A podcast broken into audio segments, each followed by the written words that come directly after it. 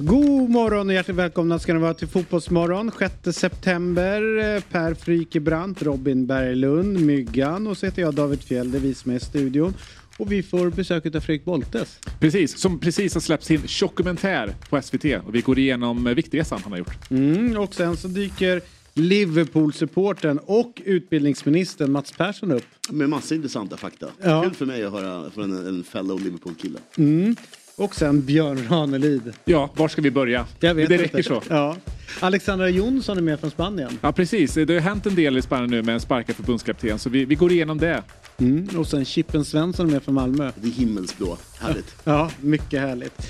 Eh, missa inte alltså dagens eh, fotbollsmorgon. Det finns hur mycket spännande som helst här.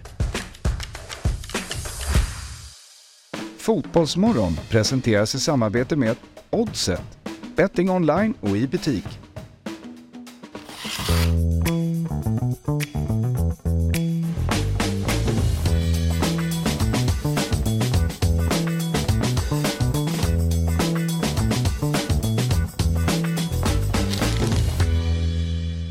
God morgon, hjärtligt välkomna ska ni vara till Fotbollsmorgon. 6 september, vecka 36. Per Frykebrant.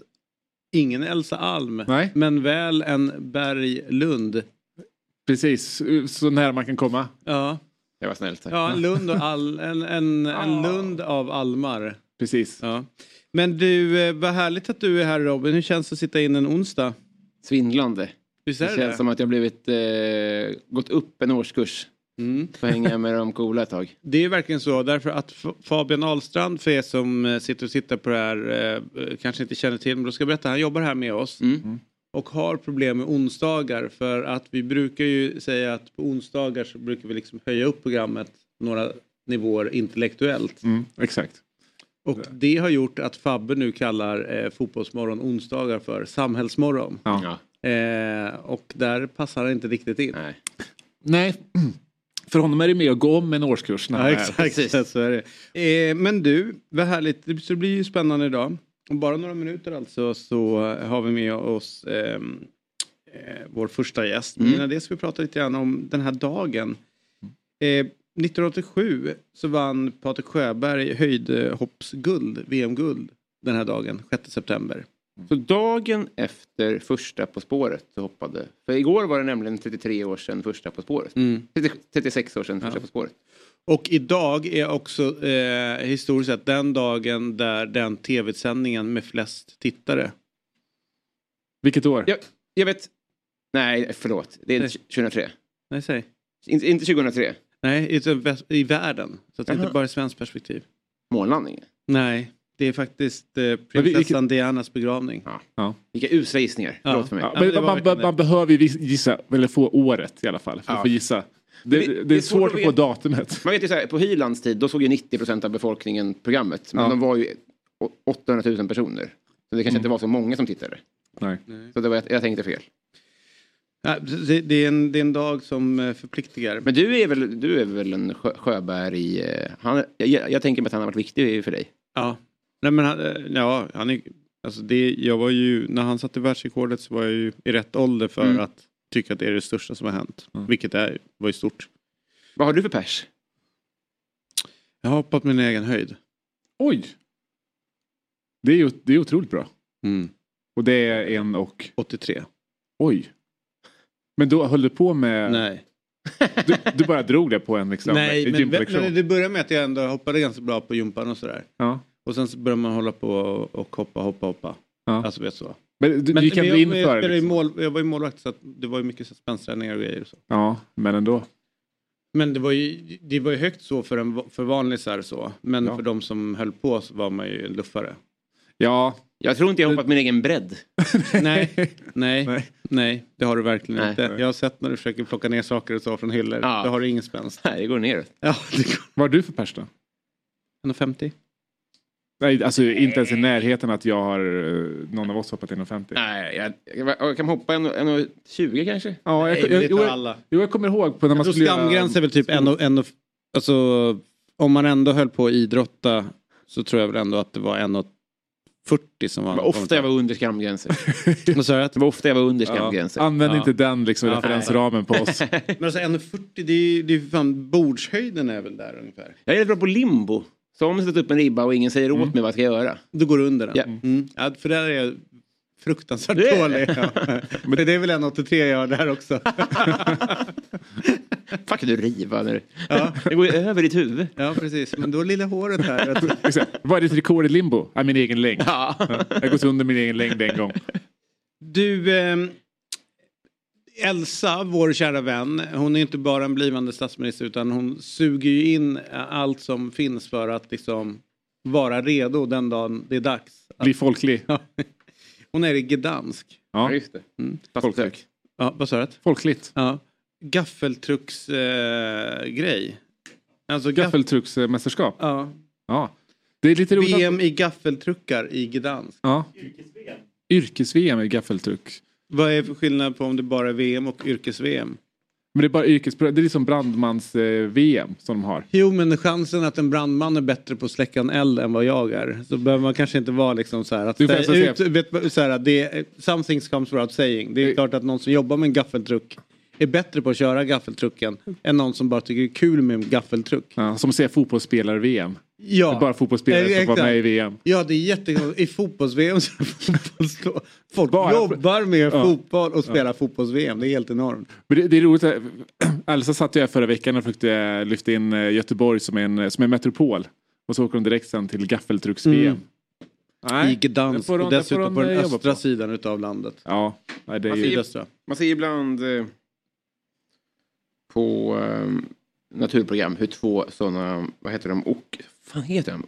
Ekoxar. Ja, det Ja. gör de. Hur de fäktas. Ja, Ja. När de grabbar tag i varandra. Så ser jag framför mig att gaffeltrucks-VM, Exakt, där ligger en gaffel. de slåss. Ska vi Ska jag först säga då, Gdansk är ju en mäktig arena. Den, eh, den här eh, arenan som vi ser på bild nu och som ni eh, som lyssnar i den vi pratar om. Är alltså, den stod ju färdig och renoverad till EM 2012.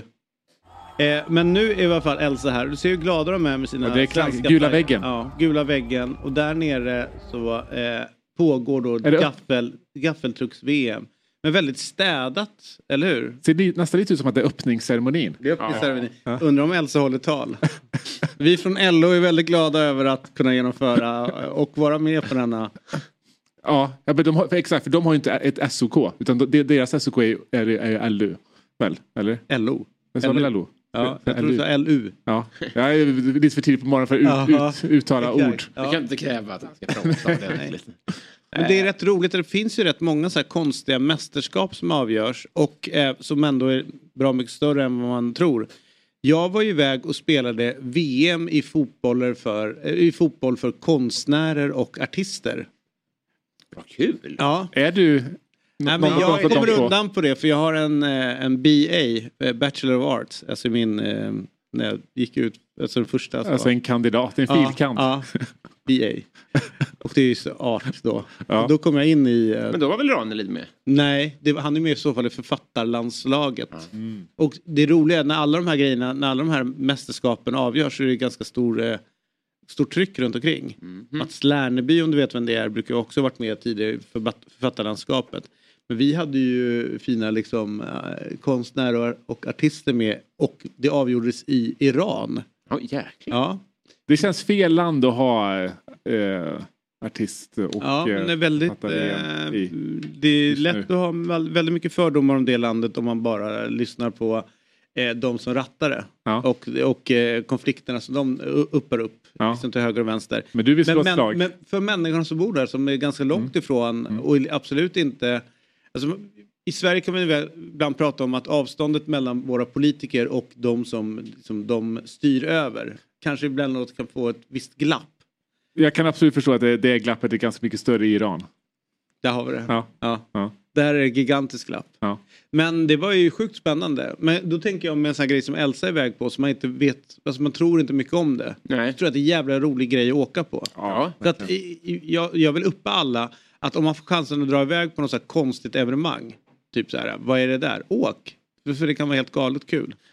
Jag har fortfarande inte sett en enda gaffeltruck. Nej, men Eh, så här, jag, tror, jag tror inte de vill att vi ska se gaffeltruckar därför att Oliver sitter där borta och gör så här. Ah. Pratar vidare. Ja, men, Vi, vi har inte Men, eh, för kommer någon jävla gaffeltruck eller? Det var det där vi hade. Det får Okej. jag hoppas. Alltså, för om du skickar material från S... Det är som om du skulle vara på VM i Brasilien och så kommer det inte ett enda fotbollsklipp. Då skulle ju ändå... Nej. Det Redaktörerna skulle där ändå var bara... väldigt, det var väldigt sva- svalt gjort av Elsa. Ja. Undrar om det är så att jag skickar upp en rolig grej och ser om de kan hålla igång det i fem minuter. Vet du vilka som fyller år idag? Hej. Saman Ghoddos. Ah, Ja. Iran. Laila Kay. Åh, Jävlar. Om det skulle vara så att de fyllde lika mycket och båda hade 50-årsfest. Mm. Och de krockar. Ja. Vems hade ni helst gått på? oh. Ja, de krockar, deras fest, jag tror de krockade med varsin gaffeltruck. Ja, nej. nej, nej. Sorgligt. Ja. Vad är det här för hypotetiskt scenario? Och dog Bäst begravning skulle i jag fucking Gdansk. Otrolig 50-årsfest. Men det måste ju vara Leila K. Alltså det är väl inte ens snack om vilken man går på där. Nej. Det hade ju varit utan lokal. Ja. Men med mer drag. Ja, exakt. Kan ni någon låt av henne? Electric Ja, är den enda jag kan. Mm, kan vara en av de bästa låtarna Ja. ever. Ja. Det är jävligt bra. Ja. Bra tryck i den.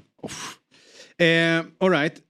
Myggan kommer hon, ju... när hon eh, skällde ut Dilba på Grammis. Det är också, det är min näst Berätta, bästa berätta, berätta, berätta, berätta. Nej, hon bara behandlade Dilba, Dilba som skit under ett rus. Ja. det finns rörligt på det. Det är, det är jävligt, ja det är starka papper. Men visst var det så att hon försvann bort också? Folk visste inte var hon var under rätt många år. Men nu är hon hit, alltså nu vet man att hon lever och... och... Ja, jo, ja. Oh, jo vars. Ja, precis. Hon, var ju en liten process där med, mot, eh, mot polisen och fick rätt. De hade misshandlat henne och hon, de, hon fick ju rätt i det. Eh, alltså för, för, för några år sedan. Vilka såg man- fotbollsspelare har vi som har försvunnit bort liksom så här ganska snabbt från... Eh, Från eh, rampljuset. man vet så här... Hakan Sucker är väl lite... Men där är liksom en anledning Mm. till att han försvinner bort. För de som inte känner till det så är ju han ju då... Har ju kritiserat Erdogan lite grann. Och det är sånt man inte håller på med. Nej, det får man inte göra. Nej. Men vad har vi för någon eh, så här som bara... Sht, bort. Roger Ljung. Ja, men dock fotbollsagent. Mm. Så att det, liksom, det blir lite... Lite... Ja, nu har jag, nu har jag, nu har jag. Ja, Happy Love Sun. ja. Det där är jättebra. Visst är det det? Tina Nordström. Ja. Mm. Eh, som dessutom spårade lite grann vad gäller hela Vaccin. coronagrejen och Japp. vaccinet. Mm. Följde du det? det, Tina? Tina Nordström. Ja, jag känner till Att det. de bytte namn till Happy Love Sun? Alltså det här har gått mig helt Ja. över Hur uttalar du hennes ef- efternamn? Eh, Love Sun, alltså kärlekssol. Vad heter hon där nu? Mm. I folkbokföringen. Du vet vad jag har uttalat? Eh, undrar om jag kan säga det. Nej men det är väl inte så konstigt. Vad tror du? Att det... Lovesund. Ja. Ja, men det... Alltså det... Jag har inte... idiot jag är alltså. Nej men det kan jag, kanske jag som har fel. Jag har inte pratat med Tina. Jag är alltså, inte happy. Det borde ju vara Happy Sun. Ja. Alltså, det hade ju varit konstigt som det var i Lovesund. Ändå. Alltså, Det, jag fin- det träffade- finns ju ett tema Vi här. måste ringa henne. Ja. Och hon har såklart ingen telefon. Nej, Nej, nej. Skicka brev. Ja. Hon har såklart elallergi. ja. ja men den är faktiskt jävligt spännande. Jag tycker också så här, vad gör Malin Moström idag? Alltså det är Ja. ingen, va, va, alltså, ingen tv-kanal ringer upp henne när det är mästerskap. Alltså ingenting och hon är verkligen kanske den bästa fotbollsspelaren som vi har fått fram Mm. på damsidan. Men ingen, alltså ingen ringer upp så här, hur är det VM eller vad tänker du här eller viktig match eller vet sådana saker. Det gör de säkert men hon säger väl nej då. Nej, jag tror, men jag tror inte de gör det. Va? Då ska vi Hanna? ringa. Alltså, vi måste börja ringa Malin Moström om många grejer. Mm. Alltså som också så här, kanske inte har med, med fotboll att göra. Vad, vad gör Hanna Ljungberg nu? Är hon aktiv där uppe nu eller? Jag vet inte. För att hon är väl också, alltså, Men- men vad jag- gäller storhet är ju hon då, hon, för hon var ju lite större då och, är liksom lika tyst. Såg jag inte henne på en tränarutbildning då? Jag har för mig att hon är någon form av... Alltså, I beg to differ när det gäller storhet. Låt mig då kasta in ett vedträd här och säga att du faller så lätt för någon som bara gör mål. Det är väl det man gör med fotboll. Jag vet inte. Om man, om man kanske Vem är största lite Didier mer... Drogba och eh, Lampard för dig? Vad sa du? Lampard. Ja. Mm. Eh, men eh, det kanske är så när man inte har full koll på fotboll att det finns Ja. andra roller och så. Ja, men- men, eh, Berätta gärna lite mer för mig hur jag ska tänka. berätta inte för mig hur det är. Ja, jag har sett det Ja. och... eh, Jag har växt upp i det. Ja. Jag hatar Och jag det. uppfattar bara målen. Okej, du det har spelats lite matcher som vi, vi, vi kan komma till lite senare. För nu ska vi ta oss till dagens första, eh, ska vi säga, intellektuella Möte. möte. Ja, det har inte varit så mycket av det än så länge. Nej, nu- vi har varit på Fabbe-nivå fram till nu. Men nu börjar Samhällsmorgon. Nu, nu. När vi ska ta oss till eh, Spanien. Det roliga är att jag tror att nästa gäst kan bo i San Sebastian. Jag har bara ett rykte om det. Mhm. Men det kan vara fel. Eh, men om det är det så har jag lite frågor om San, San Sebastian också. Men igår blev det officiellt att den spanska världsmästartränaren Jorge Vildas får sparken från damlandslaget.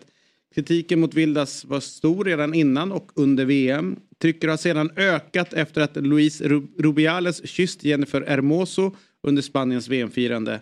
Under ett möte där förbundsordförande Rubiales meddelade att han vägrar avgå syns Vil- Vilda eh, Vildas applådera hans uttalande, såklart. Vad fan var han ska göra? Eh, samtidigt i en annan del av Spanien välkomnades Mason Greenwood inför tusentals hurrande Getafe-supportrar.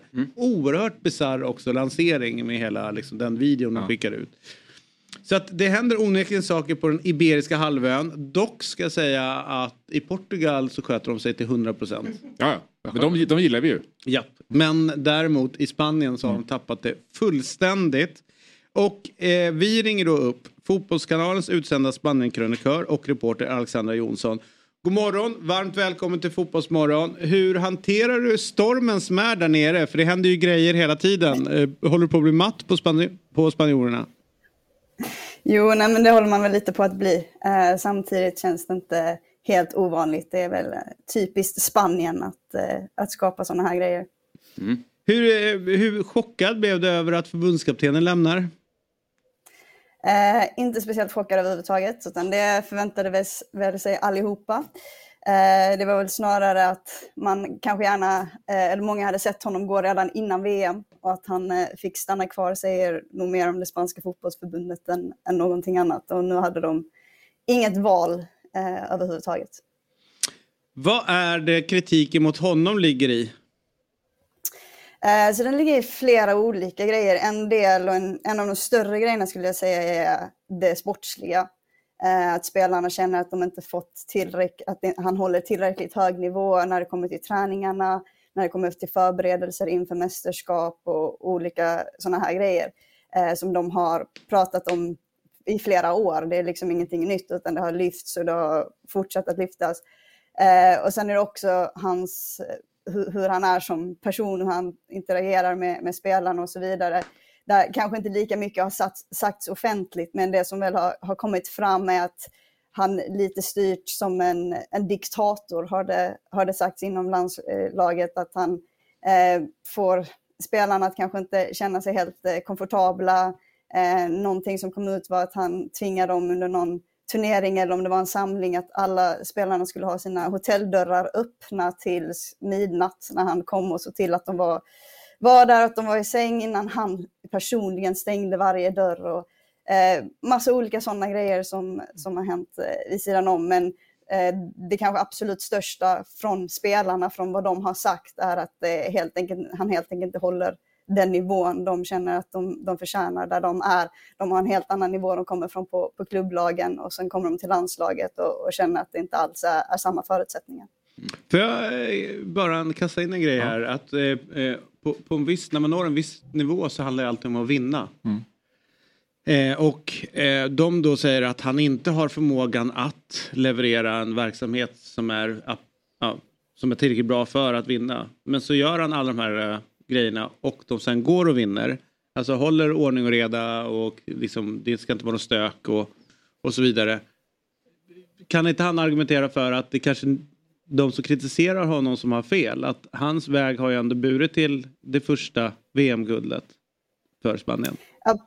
Ab- Absolut, men det, sen har han varit på positionen i, i väldigt många år eh, utan att vara framgångs trots eh, den nivån han haft på spelarna. Så den argumentationen som finns på andra sidan är att det är klubbarnas eh, jobb som har gjort att det här spanska landslaget vinner VM snarare än att det är förbundet.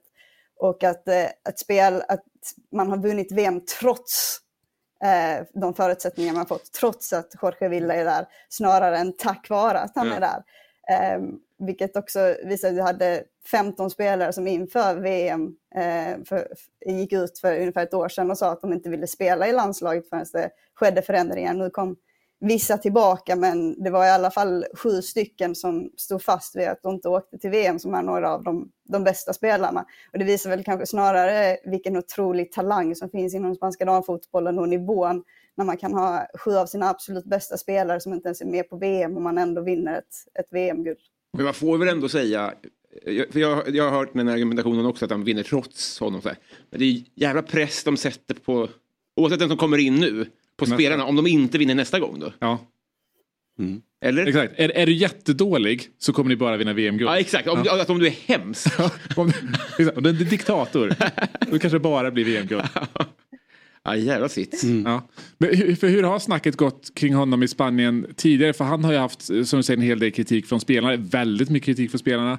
Eh, också kring att han har suttit kvar där på grund av kanske lite ja, misstänksamma relationer uppåt i, i, i spanska förbundet. Men känns det som kan du utveckla det? Uh, Nej, han väl haft... Jag vet faktiskt inte vad... Nej, men visst, visst, är det så, det blir jag gärna liksom, eh, rättad på. Men att han har ju haft den här eh, positionen även sen in, den förra eh, presidenten och att det då ska vara någon form av relation mellan hans familj och den tidigare presidenten och nu även med, med Rubiales. Visst har det varit den typen av diskussion?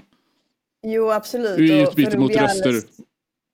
Ja exakt, så för Rubiales har han varit en, en röst som han alltid vet att han kan lita på. Så det, där har det också funnits att det spelar ingen roll hur resultaten har sett ut. För också om vi leder upp till det här VMet så har resultaten inte sett bra ut trots det laget han har haft, trots de eh, spelarna och så vidare, spelarmaterialet och så vidare. Men vad, vad som än har hänt så har det inte spelat någon roll och han har alltid kunnat känna sig totalt säker på sin position för han kommer inte bli av med den. Eh, och sen ska där också lägga till utöver det att han satt inte bara på rollen som förbundskapten utan också som sportchef för eh, fotbollsförbundet. Så att om, det skulle, om han skulle sparkas och det skulle ta in en ny tränare då var det ju han som skulle bestämma det dessutom. Så att han satt ju lite dubbelt i eh, komfort, komfort i, eh, i sin position vilket gjorde att eh, spelarna utöver att de hade gått till förbundet flertal tillfällen och, och sagt till inte har fått, äh, fått ha sig själv hörda. Och sen ska du väl också lägga till den förbundskaptenen som satt innan Vilda, som var äh, Ignacio Correda som satt på positionen i 27 år. Den längsta tränaren inom fotboll på någon position någonsin. Han klagades då om ännu mer för han hade en grej där han förödmjukade spelarna, där han behandlade dem på ett äh, Eh, Eh, riktigt, riktigt dåligt sätt och eh, i flera år, i flera decennier gick spelarna och klagade och blev ignorerade och ignorerade. Och det krävdes att de kvalificerade sig till VM för första gången då de fick media som liksom för första gången lyssnade på dem. Eh, där eh, i stort sett hela truppen gick ut direkt efter mästerskapet och sa att vi tänker inte spela för Spanien förrän det sker en förändring. Och då sparkade de honom och satte dit Vilda. Och det blev lite bättre men inte jättemycket bättre. Det känns som att man jobbar med Håkan Sjöstrands livstidskontrakt här i spanska landslaget. Verkligen. Jag har sättet att bli av med en tränare och vinna VM-guld. Men, eh... ja, just det. Du, du, får inte sluta och du kommer inte få sparken först du har vunnit VM-guld. Är du förstått? Men eh, i, i Sverige då är ju inte alltså, Spaniens sportsliga framgång är ju såklart inte lika stor som den rimligen borde vara i Spanien. Det är klart att man noterar ju att det är första gången Eh, de vinner och det var en fantastisk prestation och sånt där. Men jag tycker ändå det här runt omkring har ju överskuggat medialt. Hur är det i Spanien? Har det, ja, hur skulle du säga att den fördelningen är, hur mycket hur folk pratar och hur det rapporteras? Men jag skulle säga att det är ganska eh, liknande. Det har definitivt överskuggats det de har, har lyckats prestera på planen men samtidigt pratar man mycket om att detta är ännu viktigare. Att, eh, visst, de vann VM-guld men vad de här spelarna lyckats, förhoppningsvis lyckats göra utanför planen och ändra strukturen inom det spanska fotbollsförbundet för framtida generationer och så vidare är ännu större än det VM-guldet eh, som man har vunnit. Samtidigt som det VM-guldet är otroligt stort, för Spanien Mm. har aldrig vunnit ett VM-guld på damsidan förut. De har aldrig ens varit i närheten av att vinna ett VM-guld på damsidan förut. Så det, man försöker ju lyfta fram det också, men det kommer ju såklart i, i skymundan. Och kanske det man istället då försöker eh, slå på är att, att detta de, de, de här spelarna verkligen har gjort för spansk damfotboll är betydligt större än bara att vinna en guldmedalj. Pratar man mycket nu om kring he- alla de här händelserna hur det kommer påverka spansk fotboll framåt? Jag menar det är en, liksom en process nu för att få VM till exempel. Är man orolig för att det kommer kunna påverka det? Eh, absolut. Eh, det har varit en, en del diskussioner om, om det också. Eh, men sen samtidigt så, eh, om man kollar bara på, på det spanska fotbollsförbundet så, så finns det kanske inte jättestora hopp heller på att det blir den förändringen som man hoppas. Eh, om man tittar på den eh, tränaren som de har satt in nu istället för Jorge Vilda så är det eh, Montse Tome som är en kvinna och då får man lite känslan att det spanska fotbollsförbundet bara försöker få det att se ut som att man har ställt upp. Men hon är också Jorge Villas assistent och har aldrig varit huvudtränare förut. Eh, Så det som var huvudgrejen som spelarna har snackat om, det här med att de vill få de bästa förutsättningarna och så vidare, kan man ju fråga sig då om man sätter dit någon som aldrig har varit huvudtränare någonsin, eh, som ska träna det laget som precis har vunnit VM-guld. Är det den meriten man, man vill ha på den Mm. positionen? Eh, och det igen visar att inom det här förbundet så vill man egentligen hålla sig inom de som är lojala, de som förstår systemet och så vidare, snarare än kanske göra den förändringen som, som krävs, som man är ute efter. Eh, man, får, man försöker istället få det att se ut som att den förändringen görs, men den kanske inte görs det i, i grunden så som man vill ha. Så jag tror inte det, jag tror det är långt från slut det som, som händer nu och det, det blir viktigt att lyssna på spelarna för det är de som är där, det är de som vet hur det verkligen ser ut och vad, vilka förändringar de har fått igenom. Du, eh, innan vi släpper dig så måste vi prata lite grann om Getafe också som under deadline day blev eh, med ny spelare och det var ju Mason Greenwood. Eh, De sen presenterade ju honom eh, och ganska får säga dålig presentationsfilm. Även om det inte hade varit Mason Greenwood så var den ju svag. Rätt så. Eh, va, hur har snacket varit i Spanien om den värvningen? För det är ju klart att det i många andra länder har skrivits ganska mycket om det. Eh, om man tar utanför Getafe så har den inte varit, eh, tagits emot väldigt pos- speciellt positivt utan det har varit eh, eh, väldigt kritiskt runt det. Kanske inte lika mycket som det hade varit i, i vissa andra länder. Och sen så känns det också eh, lite som att det kommit i skymundan på grund av allt det som hänt runt det spanska damlandslaget och allt, alla pratar om det och allt fokus är runt det och sen samtidigt har vi Negreira-fallet med, med domarna och så vidare och Barcelona som också är i full gång. Så det är så mycket, eh, kanske inte så positiva grejer som händer runt spansk fotboll för tillfället och det känns det kanske lite som att eh, hade inte allt det här också hänt så hade det nog blivit ännu mer fokus på, hur, på, på den här värvningen med, med Greenwood. Men det är, runt om ska jag säga att det, det är väldigt negativt runt om man tycker att, eh, att Getafe är helt knäppa som gör det. Samtidigt så är det väl Getafe det laget i Spanien som folk bryr sig minst om. Um, så att man, eh, ingen är, lite, är speciellt förvi- förvånad eller blir så här bara åh Getafe vad gör ni? Utan det är mer like, ah, typiskt Getafe. Eh, Men för det tänkte jag fråga, vad säger det här om Getafe? Förutom att de då ingen bryr sig. Va- varför hamnar han där? Men jag, min känsla vad Getafe har gjort den här grejen till att de lite ser den här, det finns ingen dålig PR, all PR är, go- är, är positiv. För det känns som att de har verkligen hoppat på, om man bara kollar deras sociala medier och allting, hur de har pushat ut den här värvningen och känner att nu tittar hela världen på oss äntligen, Ja. för det Mm. händer typ aldrig.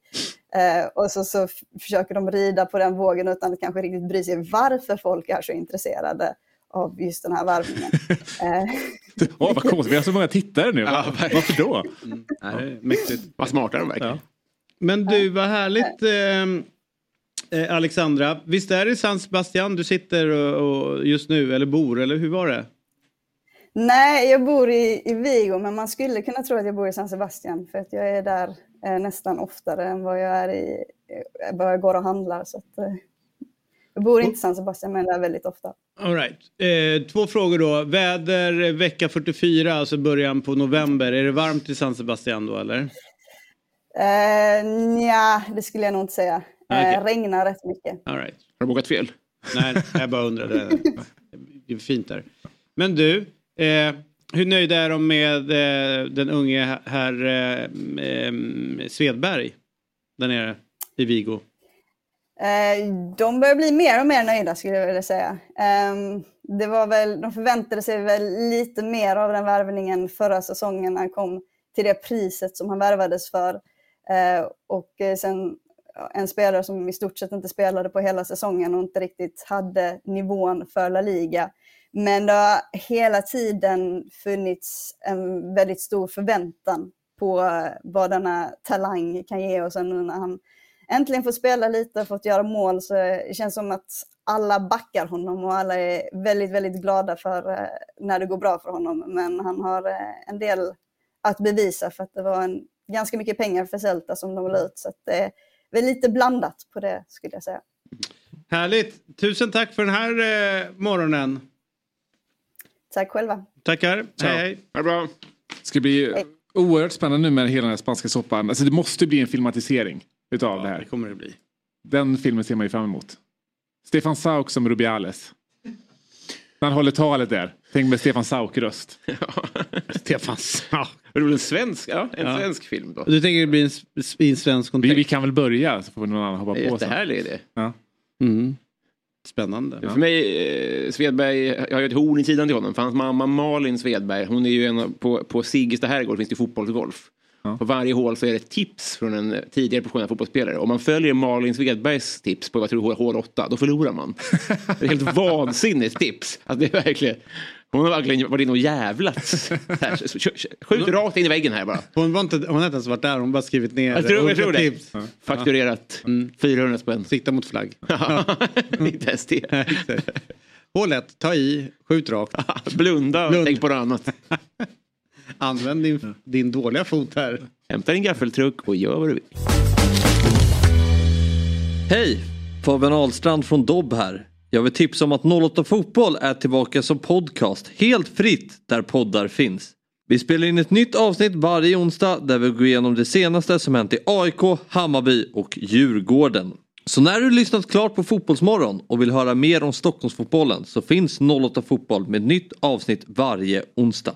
08 Fotboll finns fritt där poddar finns.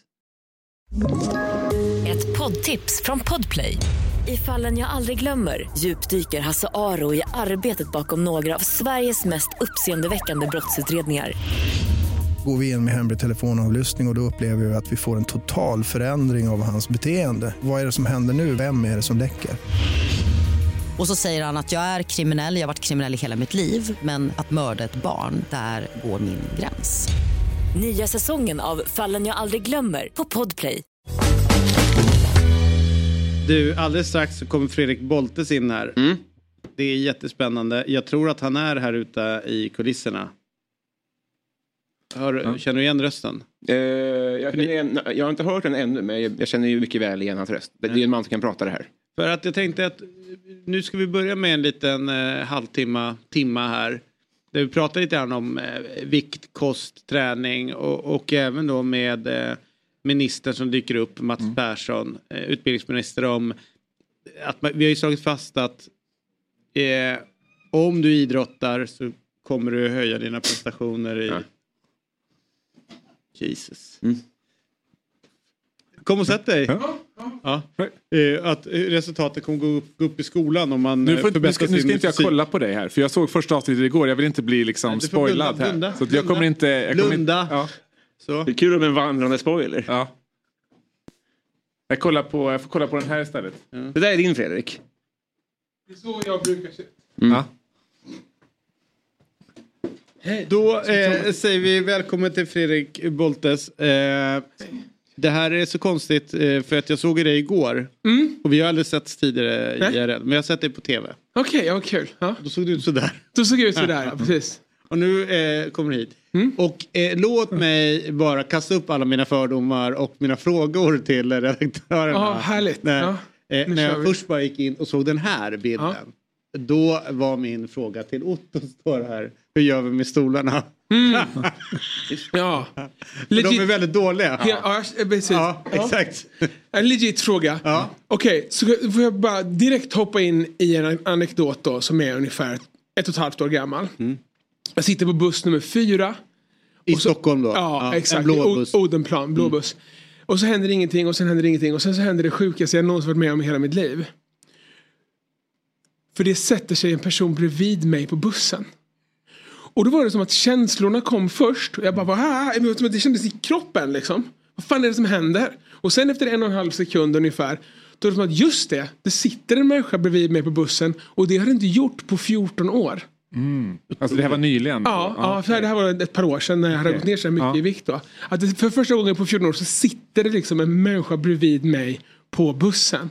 Och det var så emotionellt. Man har ju förberett sig.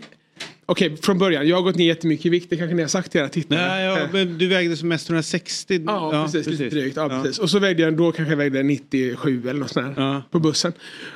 Eh, så att nej men jag är, det där är liksom ett riktigt problem för mig. Att, eller för mig, det är för många som väger liksom 140 kilo plus med stolar. Eh, det är liksom inte ett skämt bara. Nej. Utan det är liksom en, en, en utmaning på riktigt. Och eh, då haka på, för det här blir väldigt spännande. För att man har ju sin privata sfär någonstans. Att eh, om någon sätter sig, eh, som nu, om någon ska sätta på bussen och någon ska sitta så här, så här nära liksom. Men om du under så många år aldrig har haft någon bredvid dig. Nej. Har din, hade din då utökats att när någon satte sig bredvid dig. Kände du liksom så här, den här, nu kommer den här människan för nära mig. Eller var det en komplimang? Eller? Ja, för, för mig var det en komplimang Ja, men då när det hände ja, nu. Ja, men hur, hur, hur, hur, var, men hur Wow, var det? För helt plötsligt blev det ju liksom nästan närkontakt med en främmande Ja, människa. som man inte axel mot haft- ja, axel med någon. Ja, inte haft på så många år. Ja, nej, men jag har ju haft närkontakt med människor på andra sätt. Men kanske inte med främlingar på bussen sittandes på det sättet bara. Men det var bara, det var liksom lite mer emotional än vad jag trodde. Att svära, sitta bredvid någon på bussen. Plus att jag pendlade från liksom södra Södertälje in till Stockholm varje dag i ett helt år. Och då sitter man ju ändå tre timmar varje dag i kollektivtrafiken. Och det som händer då när det är rusningstrafik är att någon ser från from a distance. Ja men där borta verkar det finnas en plats. Går mot mig, ser, nej vänta jag kommer inte få plats där. Ställer sig bredvid mig istället, besviket. Liksom. Sen så går det en, en, nästa hållplats, då kommer det på ett nytt gäng. Varav någon gör samma spaning. Där slutar det finnas en. Så till slut så har jag liksom som en liten fanclub. Som alla står runt min halva plats liksom. Ja, och tänker så här, där hade jag kunnat titta om inte den här killen var så fet. Det här är väl, det är mörkt där, men jag måste bara fråga, vad är din upplevelse då? Om man bara, vi, tar just den situationen, Ja. att folk inte väljer att sätta sig bredvid dig Ja. på grund av din kroppshydda här. Ja men det är väl fullt naturligt, alltså, vi får inte plats. Nej, men Alltså, det, var det jag tänkte fråga, hur mycket skulle du säga är liksom volym, jag får inte plats, och hur mycket är bara att folk... Inte vill sitta bredvid en tjock människa? Jaha, nej 0 procent av Okej, det ja, sistnämnda tror jag. Ja. Ja. det, det, det tror jag. Nej, men alltså, det, det är det som är så himla känsligt med det här ämnet. För att människor som blir liksom dåligt behandlade i samhället för att de är homosexuella. Eller för att de är kvinnor. Mm. Eller för att de är mörkhyade. Det är inget fel på att vara någon av de här sakerna. De är bara så här behandlade för liksom dåliga fördomar. och sådär. Men det finns inga nackdelar med att vara någon av de här tre sakerna jag precis nämnde. Men det finns nackdelar med att väga 160 kilo. Det finns jättestora nackdelar med det och man kan ändra på det. Och det är bra att ändra på det i nästan samtliga fall. Inte i alla fall men i nästan samtliga fall. Och det är det som gör fördomar och skämt om och eh, ehm, fakta emot överviktiga personer så jävla känsligt liksom. Alltså det är ingen nackdel, det är ingen stor nackdel att ta upp en och en halv plats på bussen. Alltså det gör man ju. Men det, och det är ingen nackdel med att vara tvungen att köpa stora kläder för det kan man göra. Men, men att inte kunna gå upp för trappor, att inte kunna sitta på en vanlig cykel, att ta sönder sina knän på sikt. Det är problem på riktigt liksom. Men eh, okej, jag har ju så mycket, för jag satt och kollade på din dokumentär, finns på SVT Play igår. Eh, och eh, till skillnad då från eh, min gode vän Per så, eh, så kollar jag alla grejer innan en gäst kommer. Oh, wow! eh, Oh, Per har en princip där. subtil diss där. Ja. Någonstans om man lyssnar noga så var det som en liten... ja. Ja. Nej, bara två, fyra själv. Jag, jag, såg, det- jag såg den här sekvensen. men så vi kollar på den tillsammans då. Ja. Den här. Jag blir andfådd för fan. Och smörja in min egna fettväck.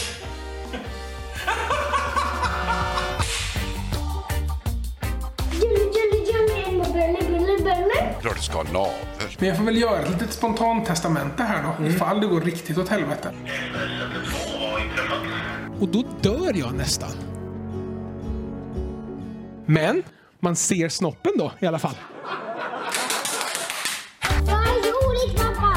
Jag har pissat på mig. Det var inte så farligt kan jag säga. Okej, jag är ju väldigt känslig för operationsbilder. Ja, den kommer- och, det är fan eh, sjukt att den är med, och, eh, konst, vet, när du skulle sätta ihop eh, kropp, alltså huden efteråt. Allt, Mm. allt det där. Det, det, då var jag tvungen att snabbspola eller sätta av ljudet. Men eh, skitsamma. Ja, det, det är en massa dumma frågor som jag känner så Ja, men ställ dem. Jag måste bara kasta ut dem. Ja, men för grejen är så här. Om du har en fråga som du tycker är dum, som du inte förstår, eller, då finns det ju liksom tusen lyssnare där ute som tänker samma sak. Exakt, och det är det- jag har alltid när jag har gjort radio varit inne på det som kallas för idio, Mm. idiotkvot. Så att när jag säger vad då vad är gröna vågen, vem är Margaret Thatcher? Mm. Har jag sagt i radio. Då, är, men det- då representerar man ju ett gäng lyssnare som också Exakt. undrar det. Och Så att go, jag heter Amy Diamond, jag vet inte varför jag svarar på det här. kör. Varför bromsar man inte innan? Alltså du vet, om man märker att man är på väg upp och blir Mm. överviktig så tänker jag att man kommer ju upp till en punkt när man faktiskt känner att mitt liv, eh, det är fara för mitt liv nu. Ja, och, precis. och jag begränsar min egen frihet. Så. Just det, får jag svara på den frågan då? Ja, varför, varför bromsar man inte det Jo läget? precis. Om jag får vara, förlåt om jag ordmärker nu då. Men jag kan ju bara tala för mig själv. Så att om du hade ställt frågan varför bromsar du Okej, inte inne? du. För man, det, Ja, det finns okej, okay, massa anledningar för massa andra människor. jag- varför- bromsar inte du? så det är jo, gjorde det innan. Ja. Så innan jag vägde 190 kilo, innan jag vägde 180 kilo, innan jag vägde 170 kilo så bromsade jag innan. Jag bromsade nämligen när jag vägde 162. Så, så att jag kunde torka mig själv i röven och jag kunde sitta på en cykel i alla fall en liten stund när jag drog i handbromsen. Så jag gjorde det. Eh, om man, så, så kan man formulera det också.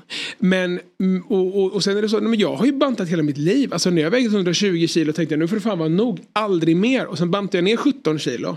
Och gick upp allt igen. Och sen när jag vägde 140 kilo tänkte jag nu får det vara nog, aldrig mer. Den här gången är det på riktigt. Och så gick jag på juicefasta och fastade. Jag åt alltså ingenting i två månader och drack bara grönsaksjuice i 60 så den, dagar. Och gick ner 40 kilo och tänkte aldrig mer. Och, och, och, och, och, och så. Så jag har dratt i handbromsen hur många gånger som helst. Liksom. Men det är bara det att det finns så mycket bantningskurer och desinformation där ute som florerar. Framförallt i kvällstidningarna men också i media generellt. Som gör att man har en lite felaktig bild av hur viktnedgång funkar när man väl har vägt sådär jävla mycket som jag och många andra och fler och fler gör. Liksom. Och då tänker jag att den här dokumentären innehåller liksom för många människor ganska ny fakta. Jaha, är det så det funkar? Ehm, jag vet inte om det var svar på din fråga men jag tycker Jo, att jag har, lite- jag har bromsat mig själv en jävla massa gånger. Ja, för det var spännande att se för att för de som inte sett den och så. Det, det, det, det pendlar uppåt eh, och går upp och ner och så här. Ibland är det på 117, ibland går det uppåt och så där liksom. Så att, ja, men det var spännande för, för eh, just att eh, du var medveten om det, du käkade bantningsmedicin, du, eh, och, men sen så fö- föll du ur och sen så satt du med dina bisarra pizzor med pommes frites och, och, och sås på. Ja. Liksom. Sen så ska jag då villigt erkänna att jag käkar calzone med, med vispgrädde i. Ja, bra. Så att, eh, Bra.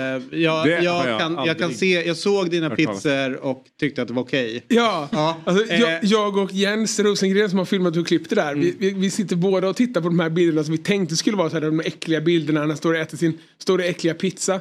Men till this day så känner man ju så här, fan den, den ser god ut den där. Den ser bra ut. Den är nice och den är det. Det finns så många andra pizzerior. Dock, Bla, bla. Nu vet jag inte hur du gör med din kost efter din, eh, din operation här. Men Ja. om du får chansen att käka en calzone, så gör ett kirurgsnitt i taket, öppnar upp, ner med grädde, Mm. Ja. drar igen det. Och lite extra salt där i också. Och så Okej. börjar du käka. Ja. Om du vill spara lite så kan du skära bort en bit av huden också och. Så det- Laga taket med huden. Nej men så att den, den, den är att rekommendera. Men du, låt Får jag oss... säga apropå det här med huden, innan jag glömmer bort det. Den konstigaste, jättemånga människor har hört av sig till mig och sagt så här, vilken fin dokumentär du har gjort. Jag kände igen mig, jag grät, jag skrattade, bla bla bla. En kvinna skrev till mig så här, min man älskar mig. Och han stöttar mig men han har aldrig riktigt förstått mig. Men nu gjorde han det igår och vi satt och grät i soffan tillsammans, bla bla bla. Hur starkt som helst. Så människor skriver till mig. Men den konstigaste och lite roligaste det var en person som skrev till mig igår kväll som bara hej. Eh, det är, jag jobbar med att elda upp köttkjolar. Va? Jo, då är det att den här köttkjolen som blir... Jag kan inte höra. Ja, men, i- jag vet inte hur många avsnitt Det jag heter ser köttkjol, alltså. Nej, men det, Eller är, man- det är ju jag kallar det för det. Alltså, Okej, den här ja. ö, bu, Okej. inte latin. Nej, men okej så här då. Om man går ner väldigt mycket i vikt, spelar ingen roll om man gör en gastric bypass eller om man bara har bantat länge eller om man har haft fött trillingar eller något. Får man väldigt mycket hud som hänger ner så blir ju det ett problem för man kan få svamp och så. Så då skär man bort den köttkjolen. Ordet har jag hittat på själv. Och den köttkjolen får man ju inte ta med sig hem. Jag hade velat hålla upp den istället för en Tinderfisk, du vet sådär. Men det får man liksom inte utan den ska de ha kvar eh, på Karolinska. Och då så tänkte jag, vad fan hände med den? Och Någon var ju- vill verkligen ha kvar den. Ja, och då var det att en person skrev till mig bara Hej, bara så du vet så här, det, det jag gör på dagarna Det är att liksom elda upp Eh, inte bara köttkjolar då utan också så här, någon arm som har blivit över eller någon tarm som har blivit över. Någon knä som man inte ska ha kvar. Så det som jobbar jag med. Så att det med stor sannolikhet är det jag som har eldat upp din. En kremerings... eh, Tack för en fin dokumentär. varför ska Hej man berätta det där i sätt? Nej, men vad fan, alla kan väl inte vara innerstadspoddare? Nej, nej, nej, jag vet. Det är det. Kan inte alla ha Nej, det? jag. Men det är bara jag är så känslig för sådana här saker. Så att det, oj, oj, oj. Man skulle vilja ha den här ugnen här i livesändning Berätta vad vecka. Den personen är väl en bra gäst. Nej, det är, ja, då, eh, eh, icke onsdag. Usch, det var jobbigt. Men du, eh, Fredrik. Ja. Så här, eh, vad är anledningen till att du gick upp så mycket i vikt? Hade det funnits en anledning till det, då hade jag sagt den nu. Men det finns det ju inte, utan det är alltid liksom en cocktail av massa olika saker. En anledning, det är mitt genuina ointresse för fotboll och annan sport. Eh, Och mitt genuina intresse för sån här kebabpizza då liksom. Men eh, också så tror jag att, men jag har ju aldrig liksom nu, de senaste hundra åren har jag inte druckit någon sprit eller ägnat mig åt knark eller så. Till mångas förtret. Jag har ägnat mig väldigt mycket åt reggae och väldigt lite åt knark. Så det provocerar många.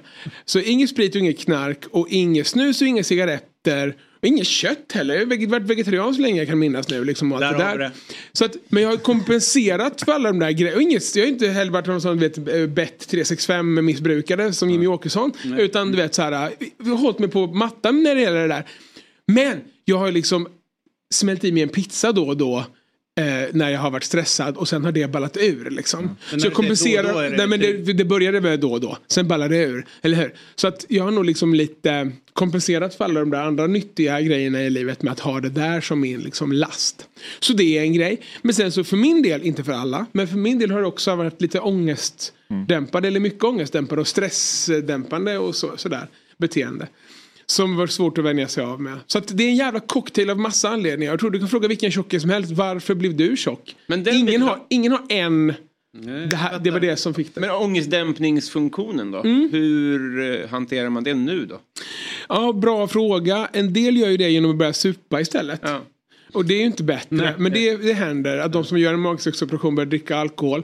Men man ska väl inte dricka alkohol om man har gjort den? Nej, precis. Vi, vi kommer till det också då. Men, men då var det en psykolog som sa till mig och sa så här. Addiction transfer bullshit. Tyckte han att det var det jag sa i episod 1. De är väl inte vara en sån som börjar spela eller sexmissbruka eller missbruka något annat. Nej men då menar han, och han har forskat på det där tror jag, att Nej men addiction transfer, det funkar liksom inte riktigt så. Alltså lasternas summa är... Nej, nej, summan av lasterna är inte konstant. Utan, Konstant. utan att det, det som händer är att om du har ett missbruk med mat och du liksom behandlar det. Då är det bra så sen. Den enda överlappen man ser med gastric bypass opererad, det finns ingenting med sprit eller knark eller sex. Det finns inte med sex eller spel. Men det finns med sprit. Just för att det som du är inne på. Alkohol tas ju upp annorlunda i kroppen. Så att när jag nu då dricker en öl ikväll.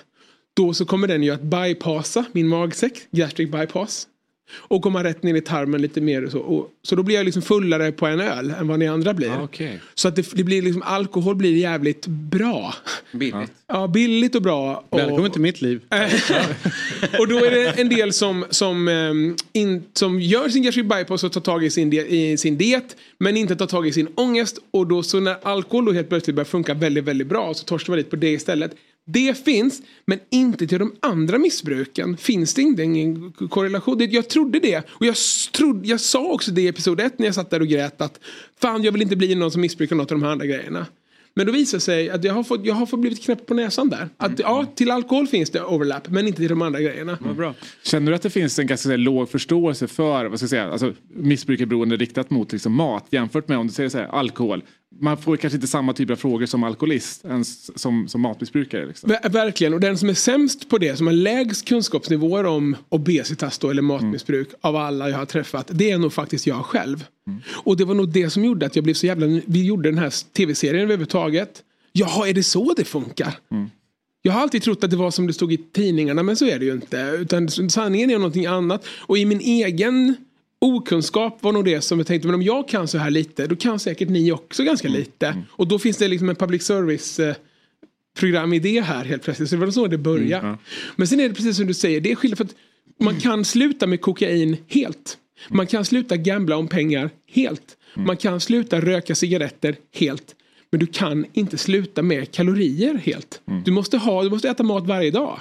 Så att det är en annan typ av liksom, det går inte att sluta med mat, cold turkey på det sättet. Vilket gör det mer komplicerat. Och, precis, och, så, och det är ytterligare en dimension mot det vi pratade om innan då. Alltså fördomar mot människor som ser annorlunda ut eller som är annorlunda mot vad man är i normen. Att det, är liksom, det är så jävla många komplexa bottnar när det gäller övervikt. Liksom. Och väldigt känsligt. Det som är, eh, när du säger känsligt är ganska intressant för det som i vår värld börjar poppa upp eller som kommer upp det är ju eh, spelare som går upp i vikt efter de slutar sin avslutad karriär. Mm. Och jag tänker att den måste ju vara svår för dem att hantera, tänker jag, mentalt. Att jag tror att i huvudet är de fortfarande elitidrottsmannen. Just det. Men kroppen har, om det är genetiskt eller att man bara käkar sjukt mycket mer och Mm. inte rör på sig och så här, att de går upp, går upp mycket i vikt. Mm. Kan man säga någonting, alltså vet så här, hur kan omgivningen göra för att någonstans vet man att den här viktuppgången kommer bli ett problem? Alltså du vet så, ni, ni är så långt ifrån Sen- så tror Jag jag, tror inte på BMI till exempel, för det är bara en idiotgrej. Om Ja, du är precis. vältränad och mycket muskler så kommer du över... Jag skrev det bokstavligt talat i grafiken i avsnitt fyra av min dokumentär som finns på SVT Play. Yes. Ja. Som jag har sett jag- alla avsnitt utav som då ligger det, där. Då står det skriftligen BMI kan dra åt Ett helvete. helvete. Precis. Det var därför jag ville ta upp den också. Ja, för exakt. Att, Nej, det, men för det är inget, det jag det, tror det att det är så här mått liksom.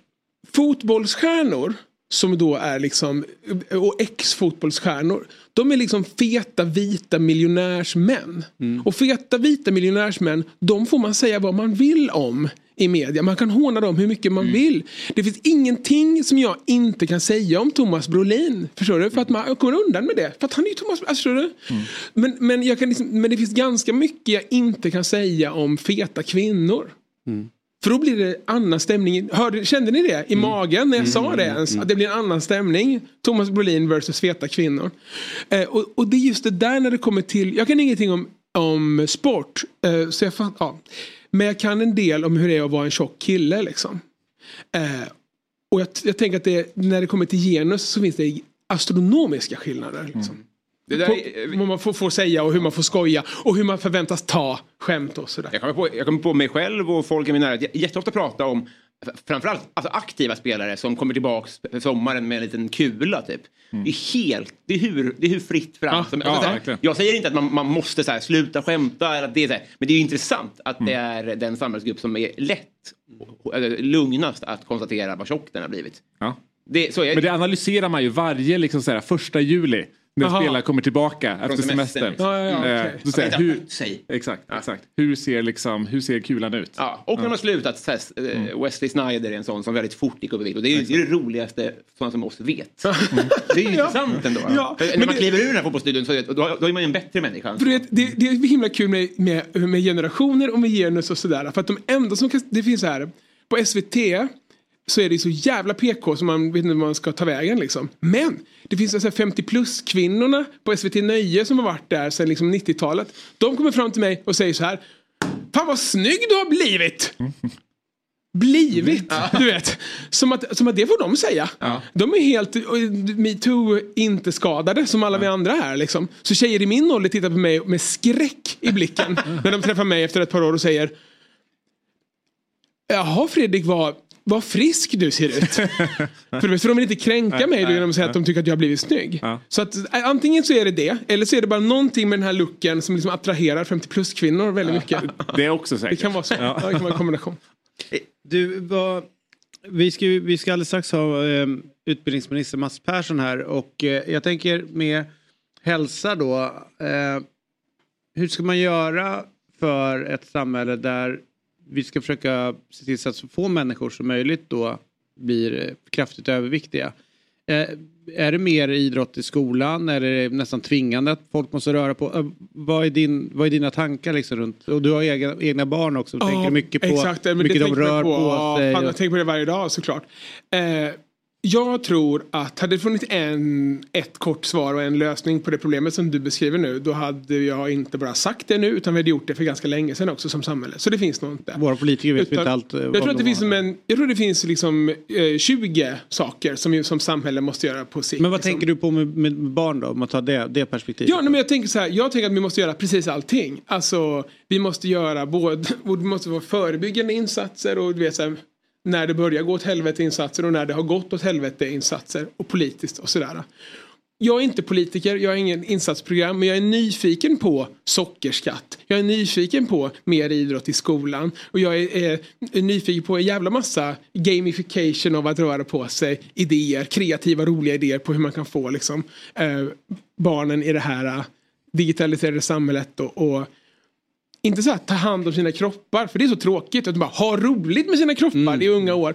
Även de som är dåliga. Jag har alltid varit sämre, jag har alltid valt sist när vi ska spela fotboll. Jag har alltid hatat fotboll, men det var någon som sa till mig att men Fredrik, du hatar inte fotboll egentligen. Du hatar bara fotboll för att fotboll hatade dig alltid. Är du med? Och det har alltid blivit vald sist, alltid varit sämst liksom.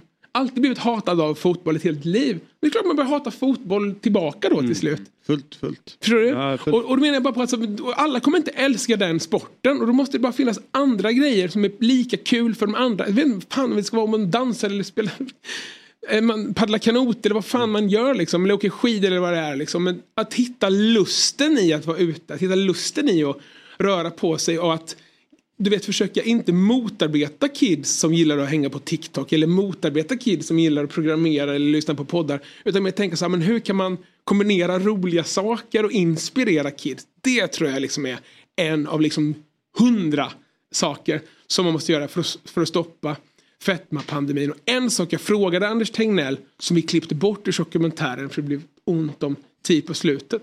Då frågade jag honom, Anders Tegnell, vilke, finns det en fetmapandemi? Frågade jag honom. Ja, för helvete svarade han utan svordomen.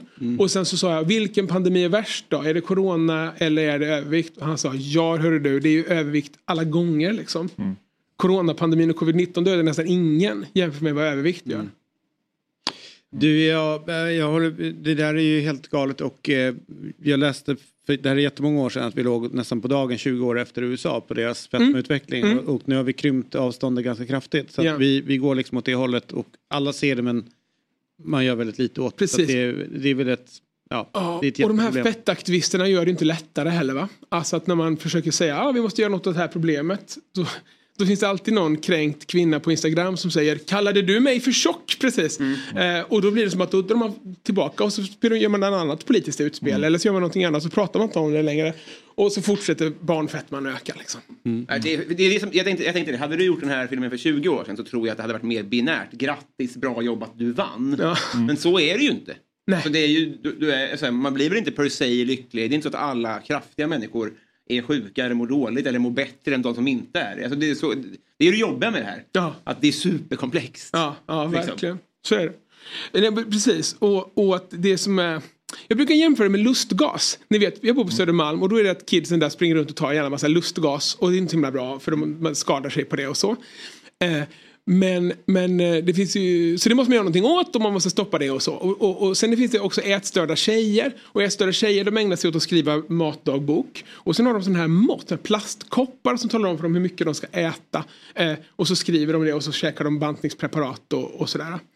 Eh, och det är också asdåligt. Men för mig då som en 160 kilos obesitasman på väg att äta ihjäl sig. Jag behöver matdagboken. Jag får ju utskrivet fan på recept sån här portionsstorlekskoppar. Precis som att födande kvinnor ska ju för fan få lustgas. Förstår du vad jag menar? Så det är inte lustgasen som är problemet. Eller de här portionsstorlekarna som är problemet. Utan det handlar om att kunna fan sitta ner i båten och tänka att det måste få finnas de här verktygen. Det handlar om vem som ska använda dem och till vad som är liksom, det svåra. Ja, nej, det är spännande. Dokum- dokumentären Mm. eh, finns alltså på SVT Play eh, och ligger ute där. Eh, första avsnittet gick igår eh, på, på ång-tv då. Mm. 21.00 till 21.30 tror jag det var. Det gjorde det, Ja. precis. Ljudet försvann de första sju minuterna. Yes. Jag tror det var någon form av fettaktivist som satt i kontrollrummet och sa han ska inte få säga. För första ordet i hela dokumentärserien är så här, du är tjock. Du som tittar alltså. Och jag började med att kolla på, alltså du vet, via då Telia såklart, man har hemma. Eh, eh, och började då starta om programmet och då var det så här tyst. Men däremot alla liksom grafikgrejer lät. Ja. Tänkte jag, det här är ju ett spännande grepp att han, att han inte säger någonting. Men när det gick några minuter fattade jag så här, det, det är nog tjall på ljud. Jag, jag går in och kollar på, På play. Ja, play. Men det är så jävla härligt då. Jag har filmat i åtta år. Klippt i ett år. Det ska vara min stora dag. Mm. Och- Hela familjen samlas. Exakt, vid tvn. Och så trycker man nu så nu börjar min dokumentär och så bara dun, ringer och så musiken igång. här, Och "Har du sen så är det liksom att ljudet?" ljudet är fel liksom. Det var, man kan säga antiklimax. Ja, nej, men det, så ska jag ta det. Jag tyckte det funkade. Det var bra. Det var inga konstigheter. Det där var bra. Mm. Och bra, bra eh, ämne att grotta ner sig i. Eh, Jag hade eh, jättemycket fler frågor om ja, bantningspreparat och allt Mm, sånt där mm, som mm. finns. Men vi hinner inte det nu faktiskt för Mats Persson dyker upp. Ja men vad fan, då hälsar Mats Persson från mig och så bjuder jag mig själv tillbaka Ja, några men gör veckor det. Ja, men, ta frågorna ja, då. för gärna det. För det är sånt som dyker upp i vår fotbollsvärld. Folk som eh, försöker gå ner i vikt eller vet de med olika dieter och så. Jag gjorde en lista på case som SVT har babblat om när det gäller övervikt. eh, Och vilka kön de har som pratas om. Eh, Och jag gjorde en lista på dokumentärer, nyhetsinslag, segment, Uppdrag granskningsavsnitt. Och vilka kön de har som är reportrar. Och vilka kön de har som är, det handlar om. Liksom. Och ni kan gissa vilket kön som är liksom överrepresenterat när man pratar, man pratar om. Det är kvinnliga reportrar som gör reportage om kvinnor som det är synd om. Nästan bara. Förutom då detta som ni snackade om, fotbollskillarna då. Som får utstå hatet för den här lilla, lilla kulan. Liksom. Då är det män som gör det på män eller? Ja, såklart. Så är det. Jag fattar. Du, eh, ja men kom tillbaka för här vill vi prata vidare om. Åh, gud, eh, och eh, ja, det är mindre av dig. Eh, du, du, du blundar ju inte. Så att det är så där det blir. Nej, men jag har kollat lite, jag har mest kollat lite för att liksom inte spoila för mycket. Eh, Det är att den här dockan är med för att det ha, den har ju en navel där. Mm, den har inte du kvar. Nej, vill du se eller? Kolla. Ah. Men det är bara att det är bara Ah. de tog ju bort den. Spännande. Så jag har en Facebookgrupp som heter Alla vi som inte har navel. eh, och om det är någon som hör så är det, det finns bara en medlem i den nu och det är jag. Mm. Men jag försöker komma i kontakt med likasinnade. Jag tänker vi måste ha en. Facebookgrupp. Det finns en man med väldigt kraftig ugn som har, vi som har 800 naglar. I pulverform. Han, han kommer dit med sin urna. Här har jag hur många som helst. Det är bara att plocka. Han brukar- ja, försöker dem. Vilken färg vill du ha? Ska jag gå nu? Du kan gå Ja. om du vill. Tusen tack. Tusen tack för att du kom hit. Ska han Underbart. också gå? Får jag ta med mig? Ja, du, vi, vi går på paus nu så är vi tillbaka. Men nu går både Dockan och Fredrik.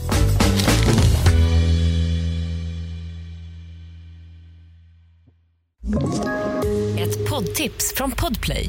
I fallen jag aldrig glömmer djupdyker Hasse Aro i arbetet bakom några av Sveriges mest uppseendeväckande brottsutredningar. Går vi in med hemlig telefonavlyssning och, och då upplever vi att vi får en total förändring av hans beteende. Vad är det som händer nu? Vem är det som läcker?